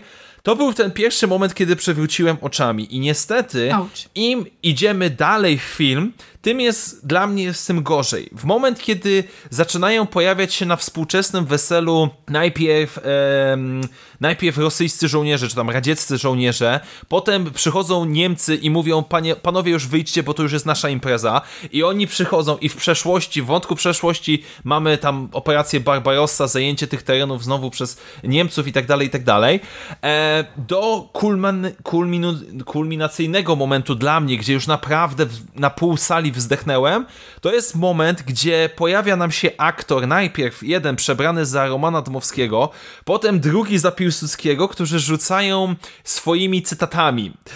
Po prostu to jest ten moment, gdzie i, i jeszcze ewentualnie scena niestety już palenia e, stodoły, gdzie są zamknięci ci, ci, ci Żydzi w przeszłości i pojawiają się nasi bohaterowie z teraźniejszości, którzy coś tam ze sobą rozmawiają, jakby tam byli to, to jest dla mnie strasznie prostackie wręcz zagranie. To jest takie zagranie, drogi widzu, żebyś przypadkiem nie wyciągnął zły, złych wniosków, żebyś się przypadkiem nie domyślił e, o co chodzi, to ja ci teraz bardzo mocno zaznaczę. I mi to strasznie, strasznie przeszkadza, właśnie jak porównam sobie to do Wołynia, gdzie nie było to w żaden sposób narzucone, gdzie po prostu mieliśmy historię ukazaną jaka była, i my sami wyciągaliśmy z tego wnioski. Również jak mieliśmy Claire, który starał się, próbował się mniej lub bardziej skutecznie e, pokazywać z różnych perspektyw, ale to jest ten sam poziom, który, nie wiem, czy pamiętasz ostatnią scenę Kleru, gdzie mhm. Jakubik jako tak. ksiądz e, podpala się, no i wszyscy ludzie się od niego odchodzą, nikt nie, nie pędzi, żeby go gasić i mamy takie oddalenie kamery, gdzie ten, ten płomień tam, nie wiem, rozrasta się i tak dalej. I to są takie sceny bardzo mocno symboliczne, takim na bardzo prostym poziomie. I mi to strasznie, strasznie przeszkadza właśnie w tym filmie. E, przez co całość strukturalna jakby cierpi moim zdaniem, bo na przykład, i przyznam się absolutnie, prawie wcale nie zrozumiałem wątku z tymi, e, co, Robert, e, co Ryszard Wilk chciał załatwić z księdzem. Z tymi tam, żeby zadzwonił ksiądz do jakichś zakonnic, które opiekowały się. I ja wywnioskowałem z tego, że Antoni Wilk jest przyszywanym ojcem Ryszarda. A on jest w rzeczywistości bo... Y, pochodzenia żydowskiego, tak. Tutaj chodzi o kwestię tej swojej tożsamości. Tam wcześniej zresztą mamy też chyba dwie sceny, które y, mogą nas naprowadzić na ten, y, na ten trop. Mm, jest taki moment, kiedy jeden z Meneli tam krzyczy do niego, że ty Aha, że tak, ty Żydku Żyd, wynoś tak, się. Tak, mhm. wynoś się, jesteś Żydem. No to, tak, ja, ja to odebrałam w taki sposób, że po prostu rodowód y, y, Wilka, Ryśka Wilka nie jest rzeczą oczywistą i on gdzieś tam właśnie tej swojej tożsamości e, poszukuje. Ale ja byłem zaskoczony, że to jeszcze zostało wsadzone, bo ja tutaj patrzę, no dobra, mamy ten wątek, nazwijmy to kryminalny, mamy tego tam szantażystę, mhm. który grozi, że upubliczni, a on nagle podchodzi do tego księdza, no i dobra, załatwia od niego pieniądze i tak dalej, i tak dalej, po czym e, jeszcze prosi o te dowody i ja na początku byłem święcie przekonany, że ta jego matka, która była tą prokurator w czasach PRL-u, bo tam było powiedziane, że ona ścigała chyba e, jakichś tam żołnierzy Armii Krajowej i tak dalej. I ja pomyślałem, że na przykład on ma wyrzuty sumienia, bo jego ten przyszywany ojciec okazuje się też był tym tam powstańcem czy czymś takim, więc jakby problem jest dla mnie taki, że mamy dwa filmy wsadzone razem, wątki, które no są troszeczkę na szybko spinane, dokańczane, bohaterów, których nie mamy do końca napisanych, co jeszcze mógłbym przełknąć, ale nie takie bardzo proste moralizatorstwo. Dla mnie to jest no nie, trochę nieszanowanie widza mimo wszystko. Tak jak mówię, gdyby to był jego pierwszy film, gdyby to był ktoś inny, mógłbym zrozumieć, ale nie ktoś, nie kto dla mnie już zrobił subtelne kino. Znaczy, subtelne, no wołyń... Chodzi mi o to, że w przekazie Chodzi mi o to, że nie ma, a tutaj po prostu no ja się czuję jakby, bo nie daj Boże po dwóch godzinach nie zrozumiesz drogi widzu o co chodziło. No właśnie, dlatego ja zaczęłam e, tę naszą rozmowę od e, całego tego wątku związanego z marketingiem tego filmu, bo ja uważam, że pewne, e, pewne właśnie wnioski, które są wypowiadane przez Wojtka Smarzowskiego w tym filmie wprost, są ukierunkowane pod konkretnego odbiorcę. Zwróć uwagę, że po filmie Claire Mm, filmie mhm. tak szalenie popularnym, który przyciągnął do kin naprawdę potężną rzeszę widzów, bo wszyscy byli ciekawi właśnie co to za szok tutaj przeżyjemy oglądając ten film. E, Smarzowski stał się twórcą po części bardziej komercyjnym.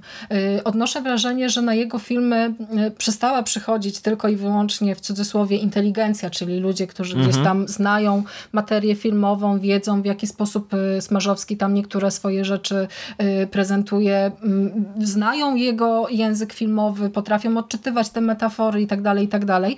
Przychodzi właśnie taki przypadkowy widz, taki właśnie z mm, paczuszką popcornu i z telefonem, który się chwali właśnie, że o, jestem na Smarzowskim. O to chodzi.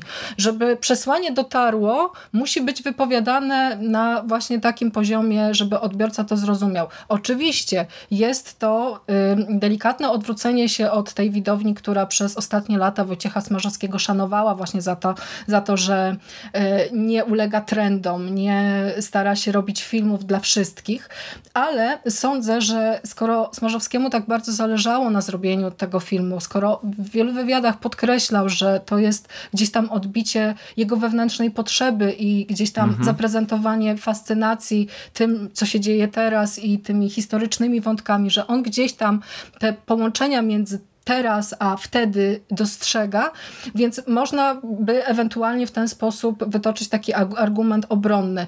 Natomiast te sceny, które przywołałeś, y, kiedy bohaterowie ze współczesności y, stoją przy y, płonącej stodole i odwrotnie, kiedy bohaterowie z przeszłości pojawiają się współcześnie, dla mnie to były kapitalne momenty, bo okazuje hmm. się, że jest gdzieś tam w nas pewnego rodzaju uwarunkowanie psychologiczne, które sprawia, że bez względu na to, czy żyjemy w 1943 roku, załóżmy, czy w 2021, mhm.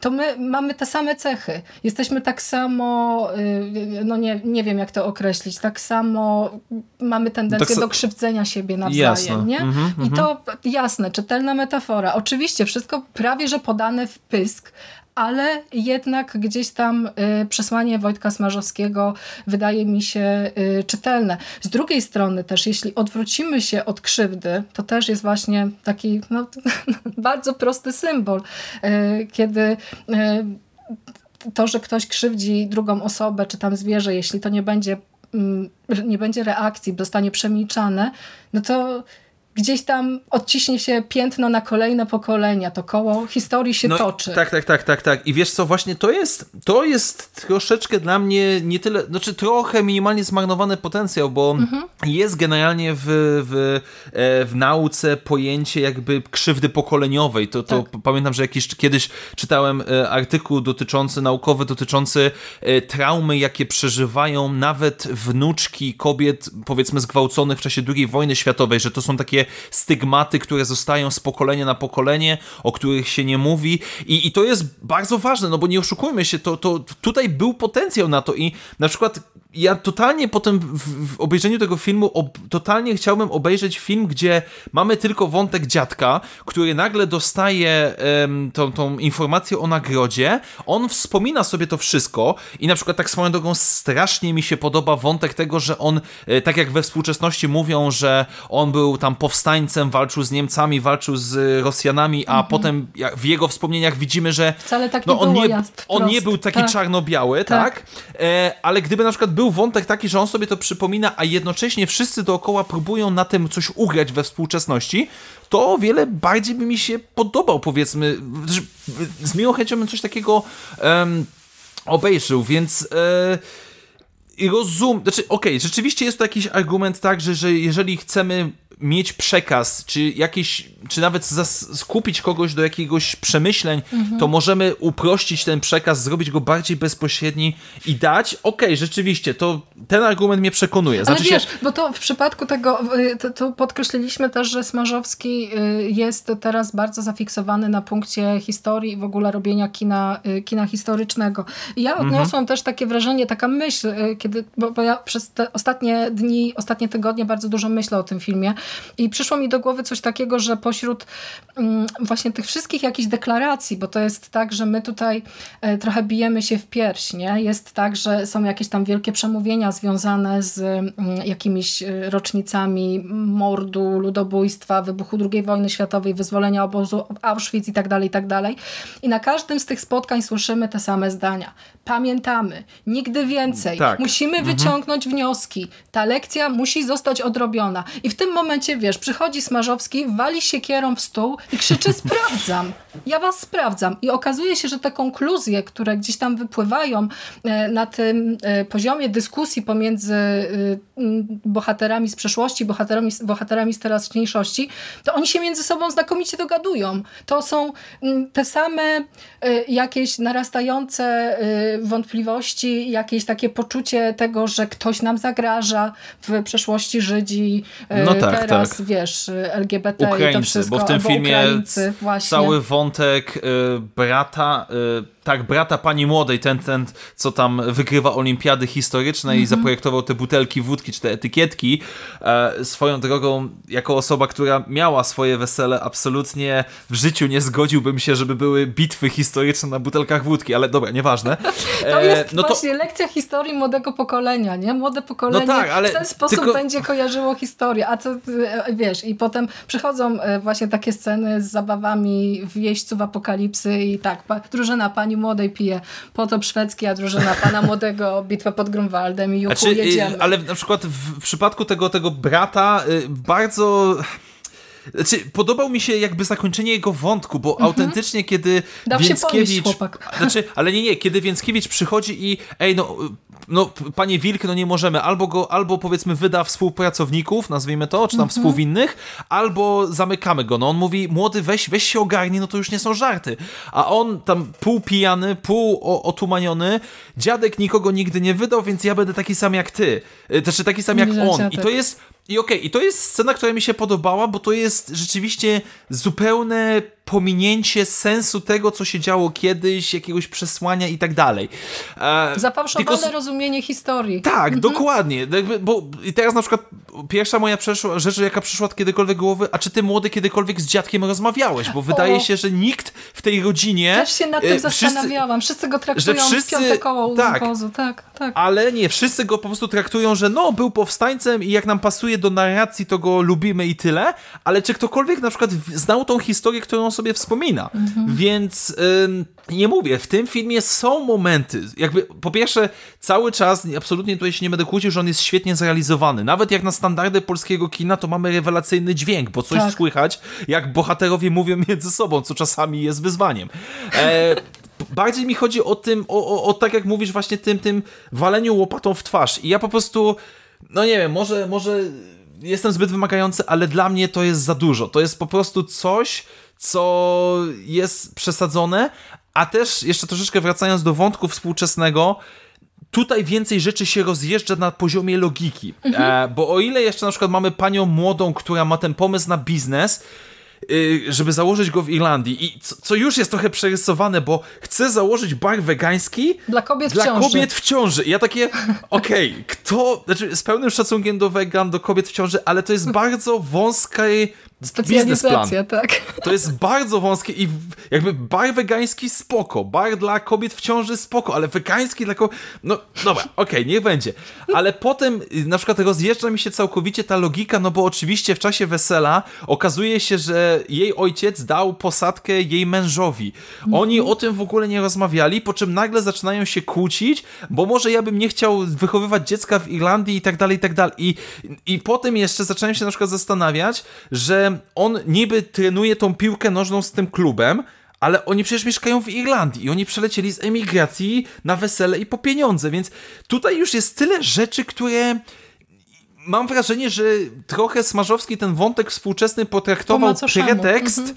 pretekst, żeby pokazać przeszłość i to mi przeszkadza i dlatego momentami mam, nawet mam wrażenie, że dokładnie ten samochód, ten sam samochód, ta sama marka została wykorzystana co w poprzednim weselu, tylko inny kolor. Tak, takie mam wrażenie, jakoś tak, tak mi się ten samochód rzucił w oczy. Więc są takie niedociągnięcia, są takie Nie, to chyba, niedopracowania. to chyba inny samochód był. In, Okej, innej dobra, marki. to może przesadzam. No, no. ale są Ale- takie niedopracowania, które po prostu burzą mi tą przyjemność z oglądania, no bo albo robimy kino sensacyjne, gdzie mamy tego Więckiewicza, który sobie załatwia tego, tego szantażystę, co było solidnie zrealizowane, Mhm. albo robimy kino historyczne z drobnymi połączeniami z przyszłością, no bo film nie jest krótki, no 2 godziny 15 Tak. minut to mimo wszystko już jest sporo, a i tak ja już jestem nie tyle jestem po prostu zmęczony tym, tym, tym, tym wszystkim, a jednocześnie czuję, że można byłoby powiedzieć więcej. Ja mam też drobny zarzut odnośnie finału, bo odniosłam też takie wrażenie, że to jest film, który y, równie dobrze mógłby się skończyć na y, tej scenie y, pacyfikacji y, tej płonącej stodoły. Bo to tak. wszystko nas podprowadza właśnie pod ten moment, pod, pod tę chwilę, kiedy no, to napięcie rośnie i widzimy, jak to wszystko właśnie stopniowo narasta. I to jest ten mom moment przejścia. Ewentualnie zostawiłabym jeszcze rzeczywiście tę scenę, jak oni tam zacierają ślady w cudzysłowie, y, jak tam te, te, te zwłoki ze stodoły są wyciągane i gdzieś tam zakopywane. Y, ale to przedłużenie właśnie finału y, sprawia, że troszeczkę ta y, ten, te, emocje z nas odpływają Mhm, zgadza się. i gdzieś tam to się wszystko rozmywa. Właśnie dlatego y, zgadzam się troszeczkę z tym, co powiedziałeś na temat ym, rozmywających się właśnie wrażeń i, i, tego, że troszeczkę nie jesteś usatysfakcjonowany tym, y, tym filmem. Wydaje mi się, że właśnie z tego, z tego względu jest to też taka historia, która została y, troszeczkę chyba za bardzo rozciągnięta, troszeczkę rozwodniona, przez co ten przekaz gdzieś tam się właśnie y, gubi i ta siła oddziaływania jest nieco gorsza. Chociaż finałowa scena dla mnie bardzo in plus ten, ten moment. No tak, tak, ostatni, tak, tak, tak, Ostatnie ujęcie, takie właśnie charakterystyczne dla, dla Smarzowskiego, e, te, tej pustej ulicy i, i, i, samotnego Antoniego gdzieś tam na środku, no to, to, to, to rewelacja. I jest to też rzeczywiście potwierdzenie e, tego, że ten wątek historyczny jest dla reżysera rzeczywiście bardziej bliski niż e, to, co się dzieje we współczesności i gdzieś tam właśnie te tematy są dla niego ważne i to chyba właśnie taką historię chciał opowiedzieć. Ta współczesność mm, to gdzieś tam, gdzieś tam przy okazji, y, chociaż mm, ja jeszcze też y, chciałabym się ustosunkować do tego, co mówiłeś na temat tego, że bohaterowie się po pojawiają we współczesności ci y, mhm. tam mm, Żydzi na przykład albo żołnierze niemieccy. No to jest dla mnie bardzo fajny zabieg, który sprawia, że gdzieś tam. E, ja lubię generalnie kino i lubię filmy i takie opowieści, w których mamy gdzieś tam e, właśnie takie zaburzenie tego, co jest realne i tego, co jest gdzieś tam wyobrażone, takie oniryczne, gdzieś na pograniczu. Ja w tym nowym weselu Smarzowskiego poczułam dalekie echa rzeczywiście tego Wesela Wyspiańskiego, do którego też często oczywiście te dwa filmy Wojtka Smarzowskiego są przyrównywane. I to pojawianie się duchów y, tu i tam y, jest faktycznie takim argumentem, który może tę tezę potwierdzać. To po pierwsze. A po drugie też czuję gdzieś tam dalekie analogie z filmem y, Demon y, Wrony, który też mhm. dotykał podobnych tematów właśnie, tego co się dzieje we współczesności w momencie, kiedy na weselu pojawi się ktoś z tamtego świata, ktoś, kto zginął e, śmiercią tragiczną, e, ktoś skrzywdzony przez, przez ludzi i właśnie jego duch gdzieś tam po prostu unosi się nad tą całą imprezą, która powinna się przecież kojarzyć z radosnym świętem. Z tego powodu mm, te, te wszystkie sceny, kiedy mm, oni tam się pojawiają i składają życzenia młodym, to jak najbardziej ok. Ja miałam problem z mm, tymi życzeniami do kamery, ale z tymi życzeniami, które były wypowiadane współcześnie, czyli na przykład, wiesz, te dzieciaki, które mhm. mówia, mówiły jakieś tam wierszyki o Żydach albo o tak, czarnoskórych. Tak. Y, to, to, też wszystko jest właśnie, y, tak jak przytoczyłeś, takie właśnie bardzo mhm. wprost i, i, i, aż nie pasujące do, do, do Smarzowskiego, bo on gdzieś znaczy, tam jest... niektóre rzeczy potrafi mhm. poukrywać i nawet to lubi, mm, żeby widz się zastanawiał, nie? O co chodzi. A tutaj tak po prostu stoi sobie dziewczynka i mówi jakiś wiersz wiersz na temat y, y, robiącego kupę murzyna, nie? I haha, tak, o co tak, chodzi? jakby no, no, właśnie to jest to, znaczy, no częściowo te duchy na początku to jeszcze było jakoś tam zaskakujące, gdzie na przykład, nie wiem, czerwonoarmista składa im życzenia, żebyście tam rozmnażali się na, potęg- ten, na, na chwałę Związku Radzieckiego i tak dalej, i tak dalej. Więc jakby no nie mówię, są tutaj jakby w momenty w porządku, e, jakby są te pewne detale, ale no momentami to przerysowanie, przesadność, a mówię, jak już się pojawia, jakby dla mnie najgorszym momentem pod tym względem to był ten Dmowski i Piłsudski, ja po prostu poczułem się na jakiejś, nie wiem, gali, auli, auli szkolnej, po prostu z jakieś przedstawienie, czy, czy coś w tym stylu, no po prostu miałem tego najserdeczniej dosyć, no ale z drugiej strony e, są pewnego rodzaju, na przykład te, taka mała rola, mimo, znaczy może nie mała, ale e, Arkadiusz Jakubik jako ten z, z przeszłości, on, on się nazywał Wardo, E, to jest absolutnie rewelacyjne, bo ja dopiero po drugiej czy trzeciej scenie jak już powiedzmy wyszli Rosjanie, przyszli Niemcy, zorientowałem się, że to jest facet, który i z jednymi, i z drugimi się dogadywał. Bo on najpierw, jak przyszli czerwonoarmiści, no to tam y, był na zdjęciach, y, cały cieszył się, że y, przyszedł komunizm i tak dalej, ale jak przyszli Niemcy, no to on był tłumaczem i nikt jakby na to nie zwrócił uwagi. Wszyscy jakby powiedzmy przeszli na tym do porządku dziennego. Chyba tylko jeden moment był, jak on tam uwalniał tych swoich współmieszkańców z więzienia, że Ruscy uciekli, no to wtedy dostał po mordzie raz. Ale strasznie mi się podoba właśnie, to jest, to są te takie małe szczególiki tego wątku z przeszłości, które mogłyby sprawić, że on byłby rewelacyjny, gdzie jak wyglądała rzeczywistość. To, że dziadek absolutnie nie był jakimś tam herosem, tylko po prostu był skonfliktowanym młodym człowiekiem. E, ci wszyscy ludzie dookoła, którzy funkcjonowali, ta nieufność względem jednych, względem drugich, na, naganianie powiedzmy do jakiejś przemocy. E, też absolutnie no nie mogę z, jakby zarzucić czy złościć się na to, że Żydzi jak zobaczyli, że przyszli, przyszedł Związek Radziecki i obiecywał im, że coś zmienimy z tym, jak byliście traktowani, to niektórzy dali się, że tak powiem, na to nabrać. Więc jakby tak, więc jakby pokazują nam ludzkich bohaterów, pokazują nam ludzi, którzy są w sytuacjach, gdzie nie ma dobrego wyjścia, którzy po prostu muszą podjąć jakąś decyzję albo nie podejmować żadnej i też ponieść jej konsekwencje. Więc no mówię, cał, naprawdę, autentycznie, gdyby, jeżeli wyjdzie to ten film e, w wersji e, jakiejś tam powiedzmy płytowej i tam będzie na przykład tylko wątek przeszłości, albo gdzieś ktoś zmontuje tylko i wyłącznie przeszłość, to ja z miłą chęcią obejrzałbym jeszcze raz.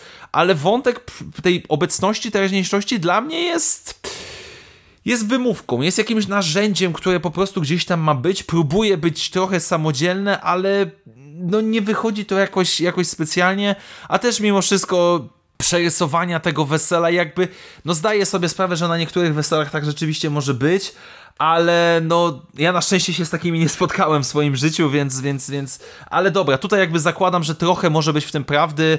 E, Nikt bo, bo... ci prezentu weselnego nie rozwalił siekierą. No nie, no na szczęście nie, siekiery nie było na, na, na, na, moim weselu, absolutnie, ale też e, no nie było tak, że mój ojciec czy tam teściu musiał załatwiać szantażystę, czy, czy, czy nie wiem, dogadywać się z księdzem przy, przy wódce, więc no, ale, ale wiem, że na przykład gdzieś tam obserwując jakieś komentarze, recenzje, recenzje, e, no to niestety pojawiają się głosy, że rzeczywiście ludzie na takich weselach byli, zdarzały się takie rzeczy. No i cóż, Chociaż no... i tak świat się zmienia. W stosunku do pierwszego wesela tutaj y, mamy niektóre rzeczy bardziej kulturalnie zaprezentowane, bo to już nie jest, to już nie jest takie przaśne, to już nie jest takie aluzyjne, jak w przypadku y, pierwszego wes wesela. Y, tutaj wszystko się odbywa w dworku i w ogóle widać, nie, że mamy rok 2021. Tak. Wszystko jest takie właśnie wymuskane, piękne i urokliwe. No właśnie, ci bohaterowie, jacy są Polacy według Smarzowskiego?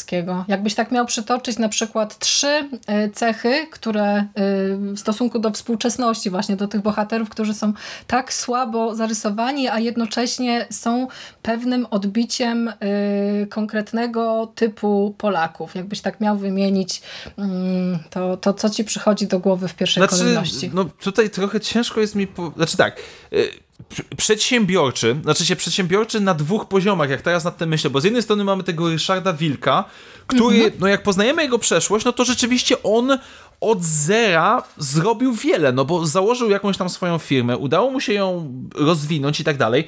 Metody, wiadomo, są co najmniej minimalnie wątpliwe.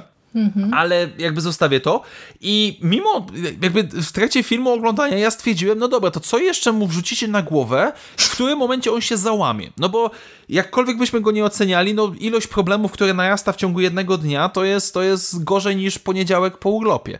E, więc y, ale on sobie z tym radzi. Cały czas znajduje jakieś pomysły, gdzieś z kimś ponegocjuje, gdzieś coś załatwi i tak dalej. Z drugiej strony, jakby podobieństwo, ale w inną stronę jest ta jego córka, która chce się wyrwać z tego wszystkiego bo ona wie, że jest trochę patologiczna rodzina, wie, że to jest straszne i próbuje jakoś się z tego wyłuskać, wymuskać e, i mhm. wyjść z tego. Z kolejna cecha, która mi się jakby powiedzmy no jest, jest duma. Jest mimo wszystko duma. Mhm. Praktycznie każdy bohater prezentuje się na zasadzie, że on wie najlepiej, albo on potrafi, czego to on nie zrobi i tak dalej. Um, ale ciężko jest mi coś znaleźć więcej, no bo tak jak mówię, poza Więckiewiczem tutaj aktorzy nie mają znaczy, mają co zagrać, ale to są bardzo jedno, dwucechowe postacie, co ma sens w założeniu scenariusza, w założeniu filmu, ale nie daje jakiegoś gigantycznego, powiedzmy, pola do interpretacji, bym powiedział. No, no, no naprawdę, przeglądam sobie teraz listę bohaterów i aktorów, ale nikt mi jakoś tutaj nie zapada za bardzo, e, powiedziałbym, bym w pamięć. Znaczy w pamięć. Wychodzi z jakimiś tam wyjątkowymi rzeczami. Tak, ja uważam, że Polacy to krzywdziciele. E, odniosłam takie wrażenie, że tutaj jest e, wiele postaci, które krzywdzą siebie, krzywdzą innych, krzywdzą mhm. zwierzęta, czasami w kwestiach zarobkowych, czasami tak po prostu. E, jest też gdzieś jakieś takie właśnie wypływające z dumy, o której wspomniałeś, poczucie zagrożenia i poczucie takiego zadufania w swojej wolności, bo my, naród, już dużo przeszliśmy i teraz, e, kiedy ktoś próbuje nam właśnie tę wolność zabrać, no to stajemy okoniem i gdzieś tam po prostu e, czujemy się zagrożeni, nawet przez jakiegoś wyimaginowanego wroga. Czasami e, to wszystko odbija się na tym wrogu w formie werbalnej przemocy, a czasami doprowadza do agresji i do jakichś takich właśnie czynów ocierających się już, czy będących nawet y, ludobójstwem. To wszystko mamy w tym wątku historycznym. Znaczy, jasne. Znaczy, ja bym jeszcze może dodał, bo teraz się tak zastanowiłem, dodałbym cechę negatywną, powiedzmy, że te, według tego filmu Aha. nie umiemy rozmawiać, bo paradoksalnie prawie wszystkie problemy we współczesności, nie odnoszę się do przeszłości, dałoby się rozwiązać przez rozmowę. Tak jak wspominałem, cały ten związek e, tej Kasi Wilk z tym jej e, przyszłym mężem, e, czy też na przykład to, że w, w, końcu żona jest w stanie powiedzieć mężowi odchodzę od ciebie, bo mam dosyć bycia tak traktowana przez ciebie i tak dalej, i tak dalej, więc um, co też łączy się trochę z dumą. No niestety jest to jakaś tam przywara nasza, że nadal w naszym społeczeństwie rozmowy na temat, y, nie wiem, uczuć, psychologii, czy, czy po prostu szczerej rozmowy z samym sobą y, są czasami tematami tabu. Ale mam trochę też problem, bo na przykład to, co w Klerze mi pasowało, tak jak wspominaliśmy na samym początku, że tam mieliśmy nie tyle złych bohaterów, co skomplikowanych, I, I, tutaj nie ma kogo z kim skonfrontować. E, jedyną postacią, która jest jakoś powiedzmy pozytywna i próbuje się z tego wszystkiego wyciągnąć, jest ta mhm. Kasia Wilk. Tylko jej jest trochę za mało na ekranie, żeby no coś zdziałać. To jakby Robert Więckiewicz, czy tam Ryszard Wilk przechodzi przemianę na skutek tego, że dowiaduje się, kim była jego mhm. prawdziwa matka. E, i, I to jest jedyna rzecz, która jest. Cała reszta bohaterów nie ma czasu ich nawet za bardzo do końca w pełni przedstawić, a co dopiero, żeby przechodzili jakąś przemianę. No, paradoksalnie jedną z największych przemian we współczesności jest e, ta żona e, współwłaściciela firmy czy pomocnika Wilka, która przekonuje tak, i bo ona się przekonała, że czarni nie są tacy źli. No i po prostu, no, no, no, no, no teoretycznie jest to jakaś przemiana. Teoretycznie nauczyła się czegoś, tak, ale no nie nazwałbym tego jakoś wątkiem edukacyjnym za bardzo. No, tak, no, Polacy no niestety. według Smarzowskiego w tym filmie również to y, pijacy pijacy egoiści. Ja tak sprowokowałam nas do tego, żeby po, po, powyciągać te wszystkie cechy y, w pewnym celu, bo wydaje mi się, że y, w tym filmie bardzo mocno czuć to, że Smarzowski nie lubi tych bohaterów. O ile y, we wcześniejszych jego filmach, nawet jeśli prezentował jakieś jednostki, które były mocno skonfrontowane z tym całym moralnym pojmowaniem świata, to gdzieś tam patrzył na tych bohaterów z pewnego rodzaju czułością, z pewnego rodzaju zrozumieniem. Natomiast tutaj, kiedy przyglądamy się tym wszystkim postaciom właśnie albo zarysowanym epizodycznie tylko, albo troszeczkę bardziej pogłębionym, to ja i tak nie czuję tej empatii. Wydaje mi się, że powinnam się z kimś utożsamić, powinnam komuś współczuć, ale jakoś nie potrafię sobie, w sobie wykrzesać tego uczucia. Nowe Wesele Smarzowskiego to jest mhm. taki film, który częściowo odbiera wiarę w ludzi i doprowadza widza do takiej emocji, że po wyjściu z kina naprawdę nie masz nadziei. Ja dawno nie spotkałam takiego filmu, który e, sprawiłby, że idąc ulicą mm, bałabym się drugiego człowieka, a po Weselu Smarzowskiego tak jakoś właśnie ten film we mnie trafił, miałam takie wrażenia. Nie tylko z tego powodu, że było mi wstyd za to, że jestem Polakiem i że gdzieś tam y, te wszystkie zbrodnie historyczne jeszcze nie do końca doczekały się sprawiedliwości, ale też to, że po prostu ludzie są takim strasznym gatunkiem. To takie depresyjne bardzo wnioski. Tylko, że właśnie to jest trochę jakby, no, ja mam tę kwestię problematyczną, bo to jest, no, no, taka jest teza tego filmu, owszem, i, i, mogę się z tym zgodzić. Są pojedyncze promyki nadziei jakieś tam, ale rzeczywiście może, może, mogę się z tobą zgodzić, że one są przyćmiewane przez tych negatywne cechy bohaterów, ich zachowania i tak dalej, ale ja zawsze bardzo szybko jakby się? nie, nie kupu, nie, nie, znaczy nie ku, ja nawet tego do końca nie kupiłem, bo no tak nie jest. Znaczy się, to jest. To jest dla mnie problem taki, że jeżeli wszystko, drogi filmie, pokazujesz mi, że jest mhm. złe, pesymistyczne, słabe i tak dalej, no to nie do końca jestem w stanie ci uwierzyć, bo wiem, że za chwilę wrócę do domu i, i tam będzie ewentualnie czekała na mnie żona, y, czy, czy nie wiem, z, mm -hmm. spotkam się ze znajomymi i tak dalej. Jakby ja wiem, że może być beznadziejnie i że jest beznadziejnie w wielu tematach, ale kiedy film przesadza w jedną czy w drugą stronę, bo też gdyby na przykład był film, który byłby, nie wiem, sielanką, wszystko byłoby idealnie, to momentalnie bym wiedział, że no nie jest idealnie, bo na przykład w poniedziałek muszę iść do pracy. E, albo, nie wiem, ktoś tam w mojej rodzinie choruje, czy cokolwiek innego, więc tutaj jest przesada w tym względzie do tego stopnia, że ja tego nie kupuję. Jakby znów odniosę się do Wołynia i do Kleru. Tam mieliśmy to dobrze zbalansowane. Tam rzeczywiście nawet jeżeli nie wyciągaliśmy nadziei z którychś tych filmów, -hmm. szczególnie z Wołynia, ale bardziej się odniosę do Kleju, e, no, no bo je, ludzie nie są do końca czarno-biali. Rzadko kiedy ktoś jest albo całkowicie zły, albo całkowicie dobry. I kwestia jest tego typu, dlaczego jesteśmy jacy jesteśmy. I z czego to może wynikać, jak ewentualnie można sobie z tym radzić. I właśnie dlatego na przykład to zakończenie z Ryszardem Wilkiem dla mnie jest takie dobre, bo w końcu po całym filmie nie tyle dostaje, nie, no właśnie nie do końca nadzieja, tylko jest możliwość zmiany. Coś na najmniejszym, najprostszym poziomie duszy człowieka może się zmienić i to jest no to jest jakieś pocieszenie, no dobra, można w ten sposób to określić, ale no, no bo inaczej, jeżeli wszystko jest szare, jeżeli wszystko jest nudne, jeżeli wszystko jest beznadziejne, to nie ma, nie, ma, nie ma z czym dyskutować, jakby nie ma jakiegoś takiego, takiego podejścia, więc... E... To jest problem tego, że Smarzowski akurat w przypadku tego filmu rzeczywiście y, postawił na kontrasty. Ten film cały jest zbudowany na, na kontraście. Mhm, tak, tak, tak, tak, tak, tak, czarne, tak. albo białe, albo dobre, albo złe i tego się trzymamy. No dobrze, to już zmierzając powoli ku końcowi, bo licznik nieubłagany, ale jeszcze parę, parę tutaj rzeczy tak pokrótce chociaż chciałabym e, poruszyć. Y, już y, troszkę troszeczkę tutaj zahaczaliśmy o to, jak y, dobrze zagrany jest ten film, bo do tego nie, mm, nie powinniśmy mhm. tutaj mieć y, żadnych uwag. Robert Więckiewicz ma dobrą pasę teraz. Y, po kilku filmach, w których grał tak, jakby mu się nie chciało, albo grał tak, no, grał po prostu na jedną nutę. Tak po ostatnim świetnym Naimro tutaj rzeczywiście będąc sobą do pewnego stopnia, tak. Y, potrafi rzeczywiście widza y, do siebie przekonać. Y, pozwolę sobie Wrzucaj. tylko zrobić mały off-top. E, Najmro. Moi drodzy, Najmro, Idźcie, Najmro jest koniecznie. absolutnie... Koń, znaczy już chyba nie, nie jest grany, ale mam nadzieję, bo czuję, że wyląduje szybko na przykład na Netflixie. Jeżeli będziecie Chcemy mieli możliwość, raz. obejrzyjcie.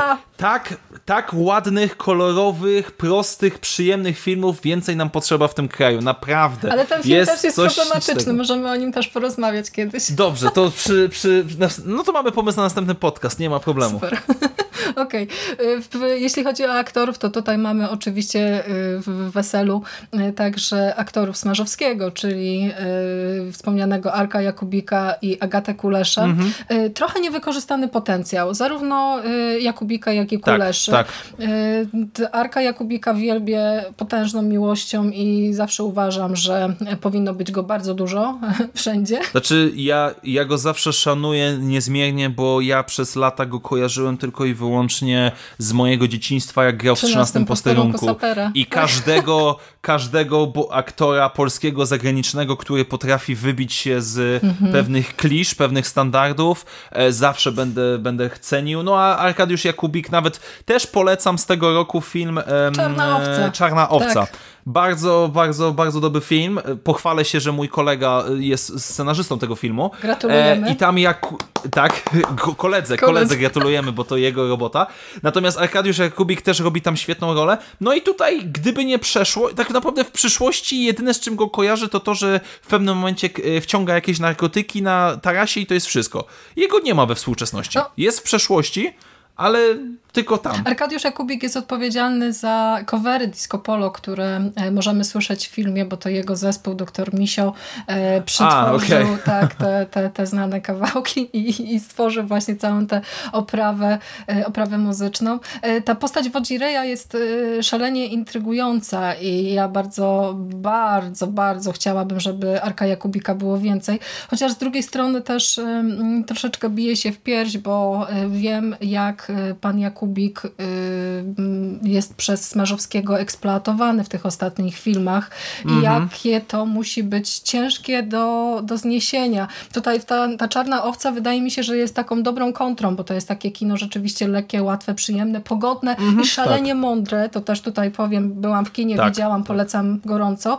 Y, I tam Arkadiusz Jakubik prezentuje zupełnie y, inny wachlarz i też jest przeuroczy w tej, w tej swojej roli.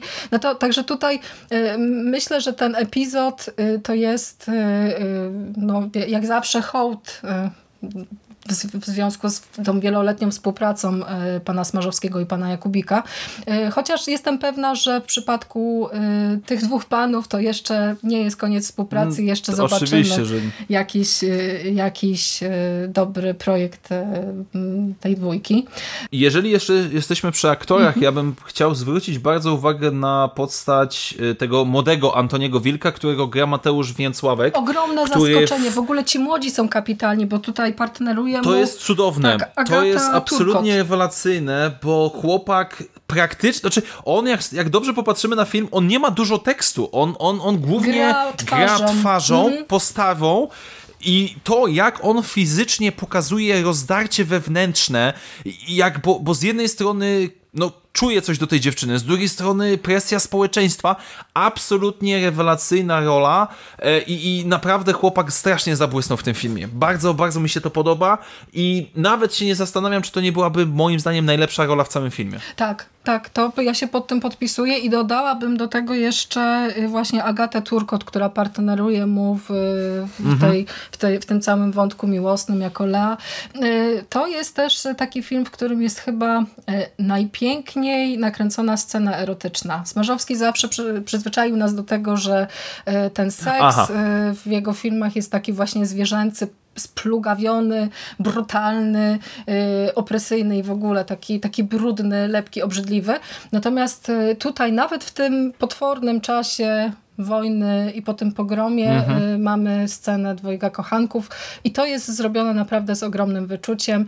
Y, ja bym dodał jeszcze z pięknych scen, jeżeli już tak y, o, oceniamy. Sce tak, scena ślubu Lei, Le, Lei, Lei mhm. chyba to się tak odmienia, tak. z tym innym Żydem po prostu niesamowity dobór strojów, charakteryzacji, no cudowne, po prostu cudowna scena, która bardzo ładnie pokazuje żydowskie wesele, nie wiem czy, takie, czy tak obecnie nadal Żydzi ci bardziej ortodoksyjni biorą ślub, ale tak jak przynajmniej kiedyś to wyglądało. Właśnie, Bo ja jestem cudow... zła na tych wszystkich ludzi, którzy krytykują Smarzowskiego za to, jak bardzo bez sensu prezentuje historię w swoich filmach. Wszyscy się czepiają, że się nie lubi Polaków, że tutaj po prostu Polak zły i Smarzowski to wytknie, a nikt nie y, chwali go za to, jaką dbałością pod kątem właśnie strojów, y, lokacji tak, się wykazał. Tak. Ta scena to jest po prostu mała perełka. Ja y, mam znajomą, która jest troszeczkę właśnie zafiksowana na temacie tej kultury żydowskiej. Była w kinie, widziała ten film i zadała mi takie pytanie, czy ta scena jest poprawna pod kątem właśnie historycznym. Powiedziała, że tak. Nawet mhm. Smarzowskiemu udało się tam umieścić kilka takich elementów, które pojawiają się w nielicznych źródłach, więc to też jest potwierdzenie tego, że e, reżyser dba e, o to, co prezentuje. Nie, no to ja, jakby ta scena to była ta jedna z, z, chyba najładniejsza, taka po prostu teoretycznie można byłoby ją skrócić, no bo wystarczyłoby pokazać, że ona już ma męża i tyle i koniec, ale poświęciliśmy te 4-5 minut, żeby pokazać samą ceremonię, no i też Agata Turkot daje radę twarzą, kiedy zdejmują jej ten welon widać. i tam absolutnie, nie, i tam absolutnie nie widać szczęśliwej panny młodej, ale dziewczynę, która wie, że musi. No niestety społeczeństwo, niespołeczeństwo e, i jakby jest trochę do tego przyciśnięta, więc tutaj e, strasznie, strasznie jak najbardziej na plus. To ja jeszcze tylko dopowiem jedną rzecz. Wydaje mi się, że w tym filmie jakoś tak Wojtek Smarzowski dał bardzo mocno pograć młodym aktorom. Gdzieś właśnie ta mhm. stara gwardia wycofuje się, bo mamy przecież Michalinę Łabacz, która już pojawiła się u niego w filmie Wołyń i tam po prostu za tę rolę kilka nagród zgarnęła. I ona jest też właśnie z Przemysławem Przestrzelskim, e, który je, jest jej filmowym mężem, tym panem młodym. Też to, to jest generalnie ciekawa para. A ja się złapałam też na tym, na czym złapało się kilku ludzi z internetu. Jak zobaczyłam po raz pierwszy pana Przestrzelskiego, to myślałam, że to jest mroczek. Taki podobny. Totalnie. Miałem to samo wrażenie, bo ja tak patrzę, a czyli on w czymś gra. No, nawet jak teraz patrzę na Filmweb i jest zdjęcie w tle tego filmu, jakby na jego profilu, mm -hmm. no pro, z profilu Totalnie, to jest nie? mroczek, tylko pytanie, który jeszcze ewentualnie, więc no jakby po prostu, tak, ja też byłem przyjęcie przekonany, ale potem rzeczywiście wyszło, wyszło, wyszło trochę inaczej. Tak, jeśli chodzi o technikalia, no to tylko możemy powiedzieć, że tak, y, montaż, mm -hmm. zdjęcia, super muzyka, jak zawsze, bo to oczywiście też jest taki charakterystyczny znak y, tego kina Wojciecha Smarzowskiego. Y, Mikołaj Trzaska po raz kolejny, kurczę, jakie to są dźwięki, jakie to są nuty. Y, Wojciech Smarzowski po raz kolejny umieścił w swoim filmie mm, ten element związany z kamerami przemysłowymi i z takim patrzeniem na niektóre rzeczy e, przez tak. oko kamery, ale tutaj zastosował bardzo ciekawy element związany z takim kinem właśnie historycznym historycznym, dokumentalnym. Tam te sceny y, właśnie związane z pogromem Żydów są robione ala takie stare filmowanie. Tak, ja podejrzewam, że gdyby Wojciech Smarzowski wrzucił do tego filmu autentyczne nagrania robione przez Niemców bądź przez y, Rosjan, mhm. to ja bym się nie połapała, nie połapała totalnie, które ujęcie jest które. Y, niektórych widzów, bo czytałam sporo recenzji przygotowując się do tego podcastu, to gdzieś tam właśnie te dokumentalne naleciałości wybijały z rytmu. E, ja kompletnie nie miałam takiego uczucia. Jeszcze dodatkowo podbijało to e, moje przerażenie, zwłaszcza właśnie w tych scenach e, ze stodołą. Mhm. Znaczy powiem Ci tak, ja dla mnie jeżeli Wojtek Smarzowski kiedykolwiek stwierdzi, że chce zrobić godzinny film E, Z kamer przemysłowych? Który, nie, nie, nie, nie, nie, nie. Gdyby pokazywał tylko i wyłącznie, tak jak tutaj pokazał tą przeszłość, jak wyglądało życie powiedzmy w latach 30.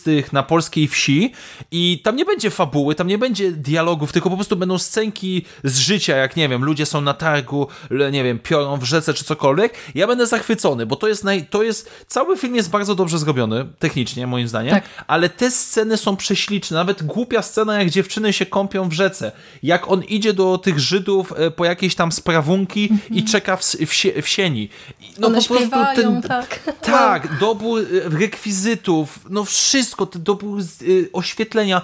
No ja jestem absolutnie zachwycony. To tak, ty wspomniałeś tak. w pewnym momencie tam tę sielankę, to rzeczywiście te niektóre sceny z przeszłości mogą się troszeczkę ociera, ocierać o takie kino trochę, trochę sielankowe. No tak, gdyby nie fabuła, mm -hmm. gdyby nie to, co wiemy, co się dzieje i za chwilę się stanie, no bo mamy te zapowiedzi zapowiedzi i już wiemy, co się będzie działo, no to po prostu momentami to wygląda jak piękna kronika odświeżona w kolorze. Po prostu. No właśnie, jest pięknie, jest kolorowo, ale na koniec e, tego naszego nagrania dzisiejszego zostawiłam e, dla nas e, dość ciekawe zagadnienie związane z kontrowersjami, które budzi Wesele Smarzowskiego. To nowe Wesele Smarzowskiego. Jest w tym filmie sporo rzeczy, które sprawiają, że taki niedzielny widz, y, ktoś nieprzyzwyczajony do języka Wojciecha Smarzowskiego może się poczuć urażony, obrażony, zniesmaczony i co tylko. I może stwierdzić, że absolutnie nigdy więcej czegoś takiego nie chce, nie chce oglądać. Mm, porozmawiajmy chwilę na ten temat. Czy wesele, nowe wesele, już tak właśnie puentując całą tę naszą dyskusję, uważasz za film kontrowersyjny i czy miałeś z jakimś jego elementem e, problem, już odchodzimy jakby od tej kwestii związanej ze scenariuszem, chaosem i tak dalej, to już mamy mhm. zamknięte, rozliczone. Czy jest po prostu jakaś scena, która e, uraziła ciebie jako widza, która sprawiła, że po prostu stwierdziłaś, nie no, Smarzowski, pojechałeś już chłopie, znaczy, daj spokój. E, co najwyżej, no tak jak mówię, wspominałem wcześniej, są te pojedyncze detale, sceny, które trochę obraziły moją inteligencję jako widza, mhm. ale jeżeli, jeżeli może, może będzie to jakaś lekcja dla naszych słuchaczy, bo całkowicie rozumiem i przyjmuję twój argument, że Smarzowski chciał trafić, prawdopodobnie chciał trafić do szerszej publiczności, przez co ten przekaz jest taki bardziej do, dosadny i zrozumiały. Mhm. Nie podoba mi się to, ale rozumiem i spoko, dobra, jakby akceptuję to i to jest jak najbardziej w porządku. Natomiast nie wiem, czy to już jest problem ze mną, prawdopodobnie, ale tak jak są ludzie, którzy, wiem, po recenzjach czy, czy po rozmowie z innymi ludźmi, którzy no czepia, no, czy czepiali się, który, dla których niektóre sceny były bardzo brutalne, szczególnie związane ze zwierzętami. Mhm. Dla mnie nie ma w tym filmie nic takiego, co sprawiłoby, że nie wiem, bym się, zrobiłoby mi się niedobrze. E, no co najwyżej, najgorsze, najgorsze uczucie, jakie miałem, to po prostu takie uczucie zażenowania, zażenowania niektórymi e, zabawami weselnymi, typu prze, przesadzanie jajka przez spodnie tam mężczyzny i tak dalej. No to no ale... Nie widziałeś pierwszego wesela, to jeszcze dużo przed tobą.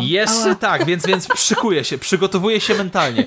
E, no i też nigdy w życiu czegoś takiego na żadnym weselu nie widziałem. Więc mhm. dla mnie nie ma w tym filmie nic kontrowersyjnego bardzo. Znaczy się, jeżeli ktoś moim zdaniem chociaż trochę jest na bieżąco z sytuacją w naszym kraju, mm -hmm. na temat, wie jakie tematy są poruszane, jakie są argumenty różnych stron w różnych tematach, czy to powiedzmy e, związanych z religią, czy to związanych z, e, no tak jak w filmie, Ukraińcami i robotnika, pracownikami z Ukrainy, e, czy powiedzmy jakiś tam, y, czy wie mniej więcej, no co się robi na weselach tych takich, nazwijmy to bez obrażania nikogo, wiejskich, nie ma tutaj moim zdaniem nic nowego, nic czegoś odkrywczego. To, to są rzeczy, które mniej lub bardziej, przynajmniej ja podświadomie wiem, zdaję sobie sprawę, że istnieją. Mogą one nie być przyjemne, mogą one być odrzucające, ale są. I moim zdaniem też nie, nie jest to jakiś film specjalnie antypolski. No, no jest to po prostu film, który pokazuje pewien aspekt naszego życia. Niektóre rzeczy przekoloryzowuje, czy dodaje im wydźwięku, niektórym umniejsza, ale absolutnie nie uważam, żeby to był jakiś taki film, który po prostu burzy jakiś ład społeczny, który pobudza jakoś bardzo do jakiejś dyskusji. Trochę momentami bym powiedział, że szokuje, ale czasami nawet dla samego szokowania. Tak, ja Więc... celowo tutaj y, też y, zapytałam ciebie o to, bo to też y, prezentuje, jak bardzo różne są poziomy wrażliwości poszczególnych widzów. Mhm. Bo najwięcej Wojciechowi Smarzowskiemu oberwało się za scenę prezentującą mężczyznę gwałconego przez świnie. Świnie. To jest taka trochę burza w szklance wody, bo generalnie na te obrazku nic nie widać. W sensie, nie no tak, znając znaczy, kontekstu, domyślamy się. Tak, domyślamy się. Znaczy, ja tutaj absolutnie y, nie chcę wychodzić y, na osobę, która musi zobaczyć wszystko dosłownie, y, tylko, tylko po prostu mm, sądzę, że tutaj może i ta scena nie do końca była potrzebna, fakt faktem, e, ale rozumiem, że Smarzowskiemu e, poprzez umieszczenie takiego elementu w e, tym filmie udało się wyprzedzić czas trochę. Tutaj... Znaczy trzeba było zdomknąć wątek, bo on jakby zrobił to, co zrobił z tym mężczyzną, żeby dowiedzieć się, czy są jeszcze jakieś inne nagrania, kopie, mm -hmm. czy ktoś inny mu nie pomaga, więc fabularnie, no no musiała być ta scena przesłuchania. Równie dobrze, A że wiesz, przesłuchanie... y, mogliby mu wyrywać paznokcie, nie? Albo na przykład No tak, albo go tam, nie wiem, tam na okładać haku, pięściami okładać czy coś w tym stylu. Oczywiście. Natomiast A jak przyjrzymy się samemu filmowi, to to troszeczkę ten, ten zabieg ze świnią jest taką strzelbą Czechowa, Mhm. chyba Czechowa, bo nigdy nie mylę, bo na samym początku filmu, kiedy Więckiewicz przychodzi do tej, mas, do tej hodowli, to ta Ukrainka Opowiada jedna mówi tym, mu, że tak, że Viagra, tak, tak. że tam niebieskie pigułki działają i tak dalej, więc no jakby z perspektywy całego filmu można, nie tyle, że można było przewidzieć, bo nie oszukujmy się, ale no jakoś to się łączy klamrą, bym powiedział. Właśnie ta, y, mm, ta rzeczywistość y, chlewni y, wilka y, jest y, faktycznie taką przestrzenią, w której y, dzieją się rzeczy straszne. Ja akurat należę do tych widzów, którzy są potwornie przewrażliwieni, jeśli chodzi o gnębienie zwierząt. Dla mnie filmiki w stylu kot podpalony żywcem albo tutaj rzucanie psem Mhm. o ścianę, to są po prostu omijam szerokim łukiem dla swojego zdrowia psychicznego. E, po jasne. prostu wiem, jak, y, jak to na mnie zadziała. Natomiast Smarzowskiemu zawsze, zawsze podkreślam, udaje się to, że w, mierzy się ze swoim własnym strachem i ze swoimi jakimiś takimi właśnie ograniczeniami, bo y, te, te, te, te, pierwsze seanse jego filmów zawsze są takie, że ja nie odwracam wzroku.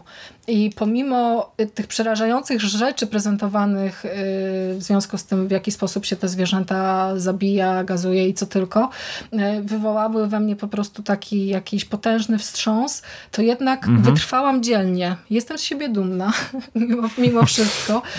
Y, Chociaż jestem pewna, że przy następnym seansie akurat w tych, w tych momentach będę y, zamykać oczy.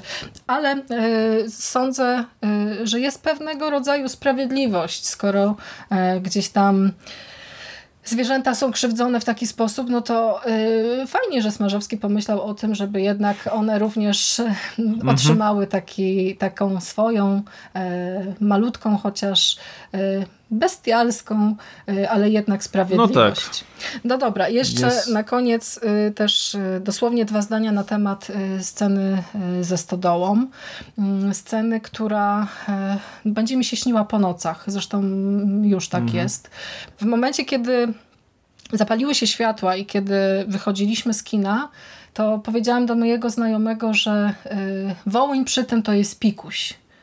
Te, ten pogrom wołyński z tą sce- skonfrontowany z tą sceną y, właśnie zapędzenia y, sąsiadów do, do stodoły i spalenia ich i tego, jak później y, Smarzowski pokazuje to, że trzeba niektóre ślady pozacierać i te zwłoki po prostu stamtąd spalone e, wyciągnąć i gdzieś tam zakopać w lesie. To są takie sceny, które no, one się wryją w umysł, zostaną Ale- na zawsze. Mhm.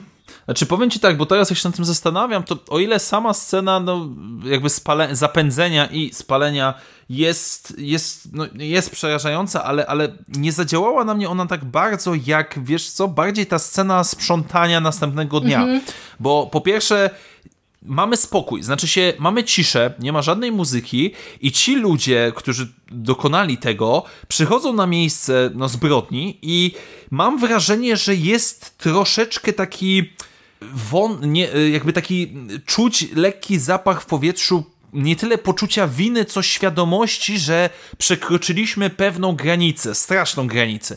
I moment, kiedy ten Antoni Wilk młody musi sprzątać te, te, te, te zwłoki, no to to byłby taki, taka scena najbardziej dla mnie ciężka, bym powiedział.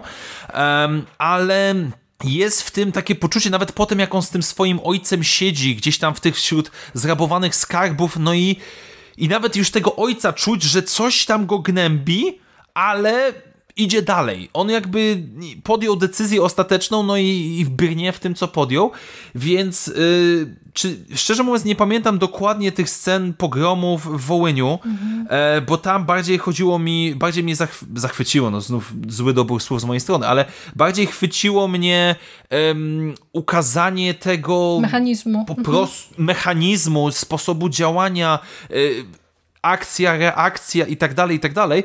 Tutaj natomiast y, no samo, bardziej już na przykład, bardziej mnie przerażało, czy, czy było niepokojące dla mnie, jak oni, y, o, y, moment oczekiwania, kiedy oni tych wszystkich Żydów spędzili na środek y, placyku, czy tam rynku miasteczka y, i wtedy tam czekają i, i no nie wiemy, co się stanie. Znaczy, my jako widzowie wiemy. domyślamy się, ale oni czuć od tych y, aktorów y, grających, że, że no, rzeczywiście nie wiedzą. I no bo co się będzie działo? Czy ta granica zostanie przekroczona, czy nie zostanie przekroczona? Więc. Ym, no wydaje mi się, że to, to, to, jest bardzo dobrze, znaczy znów technicznie bardzo dobrze zrealizowana scena, która no zapada w pamięć, owszem, no ale tak jak rozmawialiśmy wcześniej, dla mnie troszeczkę psuje ten efekt tego, że pojawiają się no współcześni bohaterowie.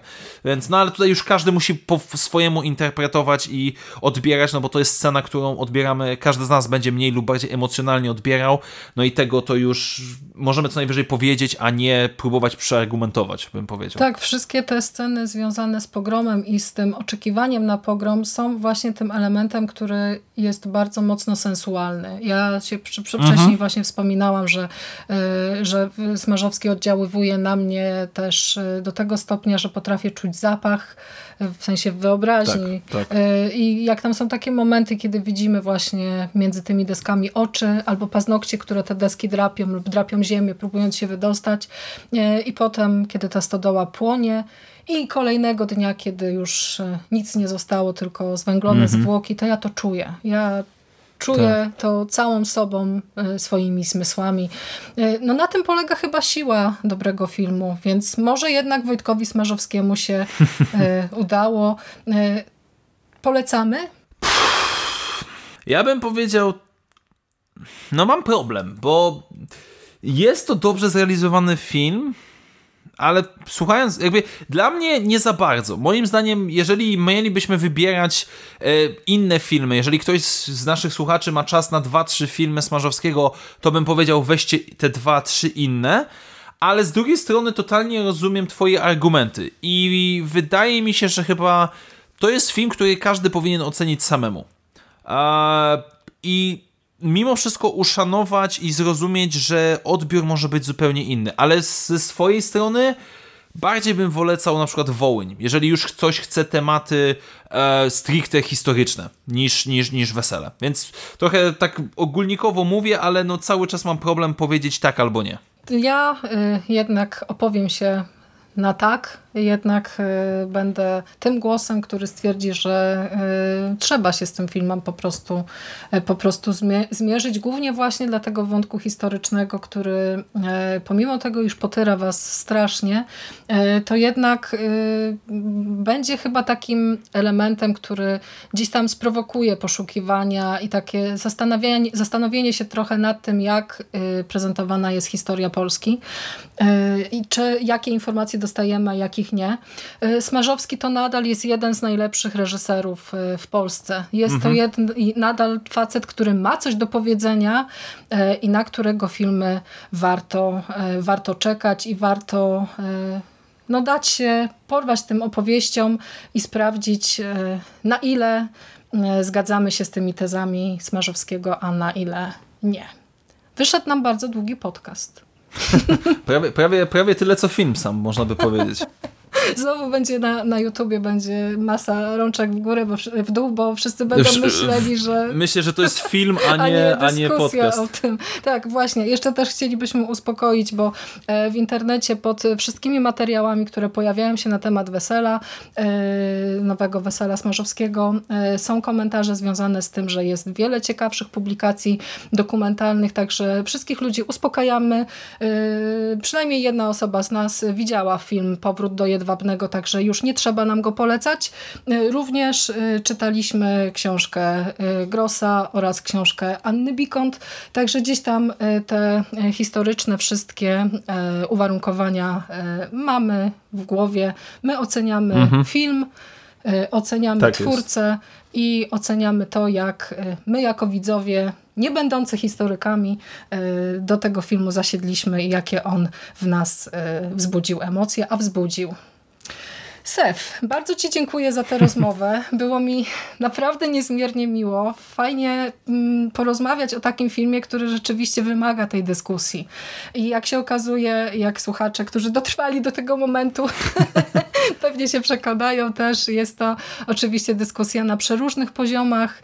E, mam nadzieję... Ja bym jeszcze może tylko dodał jedną rzecz tak w ramach lekkiego podsumowania na temat dyskusji i, i, i tego wszystkiego, bo w sumie teraz jak o tym mówisz, że, że podyskutowaliśmy na różnych poziomach, jest to film częściowo o historii i historia stała się, to się już wydarzyło i jeżeli ktoś po obejrzeniu tego filmu zacznie zgłębiać się w tą historię i konfrontować się z nią, nieważne jak ona by była, mhm. to będzie plus tego dzieła, moim zdaniem, bo jakby też, jeżeli mimo wszystko po, ty, po seansie gdzieś tam jakaś dyskusja między różnymi osobami sensowna powstanie, no to dla mnie będzie jak najbardziej plus tego filmu. Tak wolę, wo, chciałbym to dodać po prostu ze względu na to, że no nie jest to film jakiś tam lekki, rozrywkowy i tak dalej, gdzie możemy stwierdzić, że fajne, nie fajne, mhm. ale na pewno jeszcze jako ostatni plus do, mogę dorzucić fakt tego, że jest szansa na to, że ktoś się zreflektuje e, na zasadzie, no dobrze, to może coś poznam więcej z tej historii, bo, bo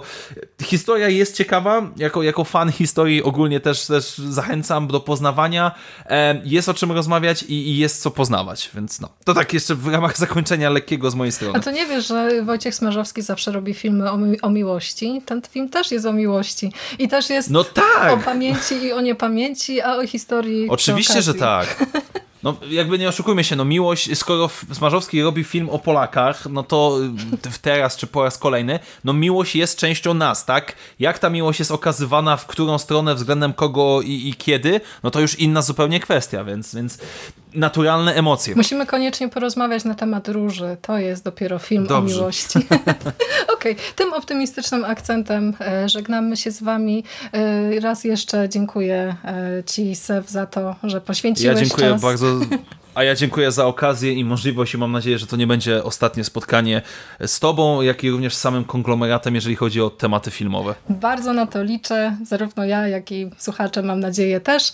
E, dziękujemy Wam serdecznie za uwagę. Słyszymy się wkrótce. E, trzymajcie się ciepło i do usłyszenia. Hej, hej! Na razie, cześć.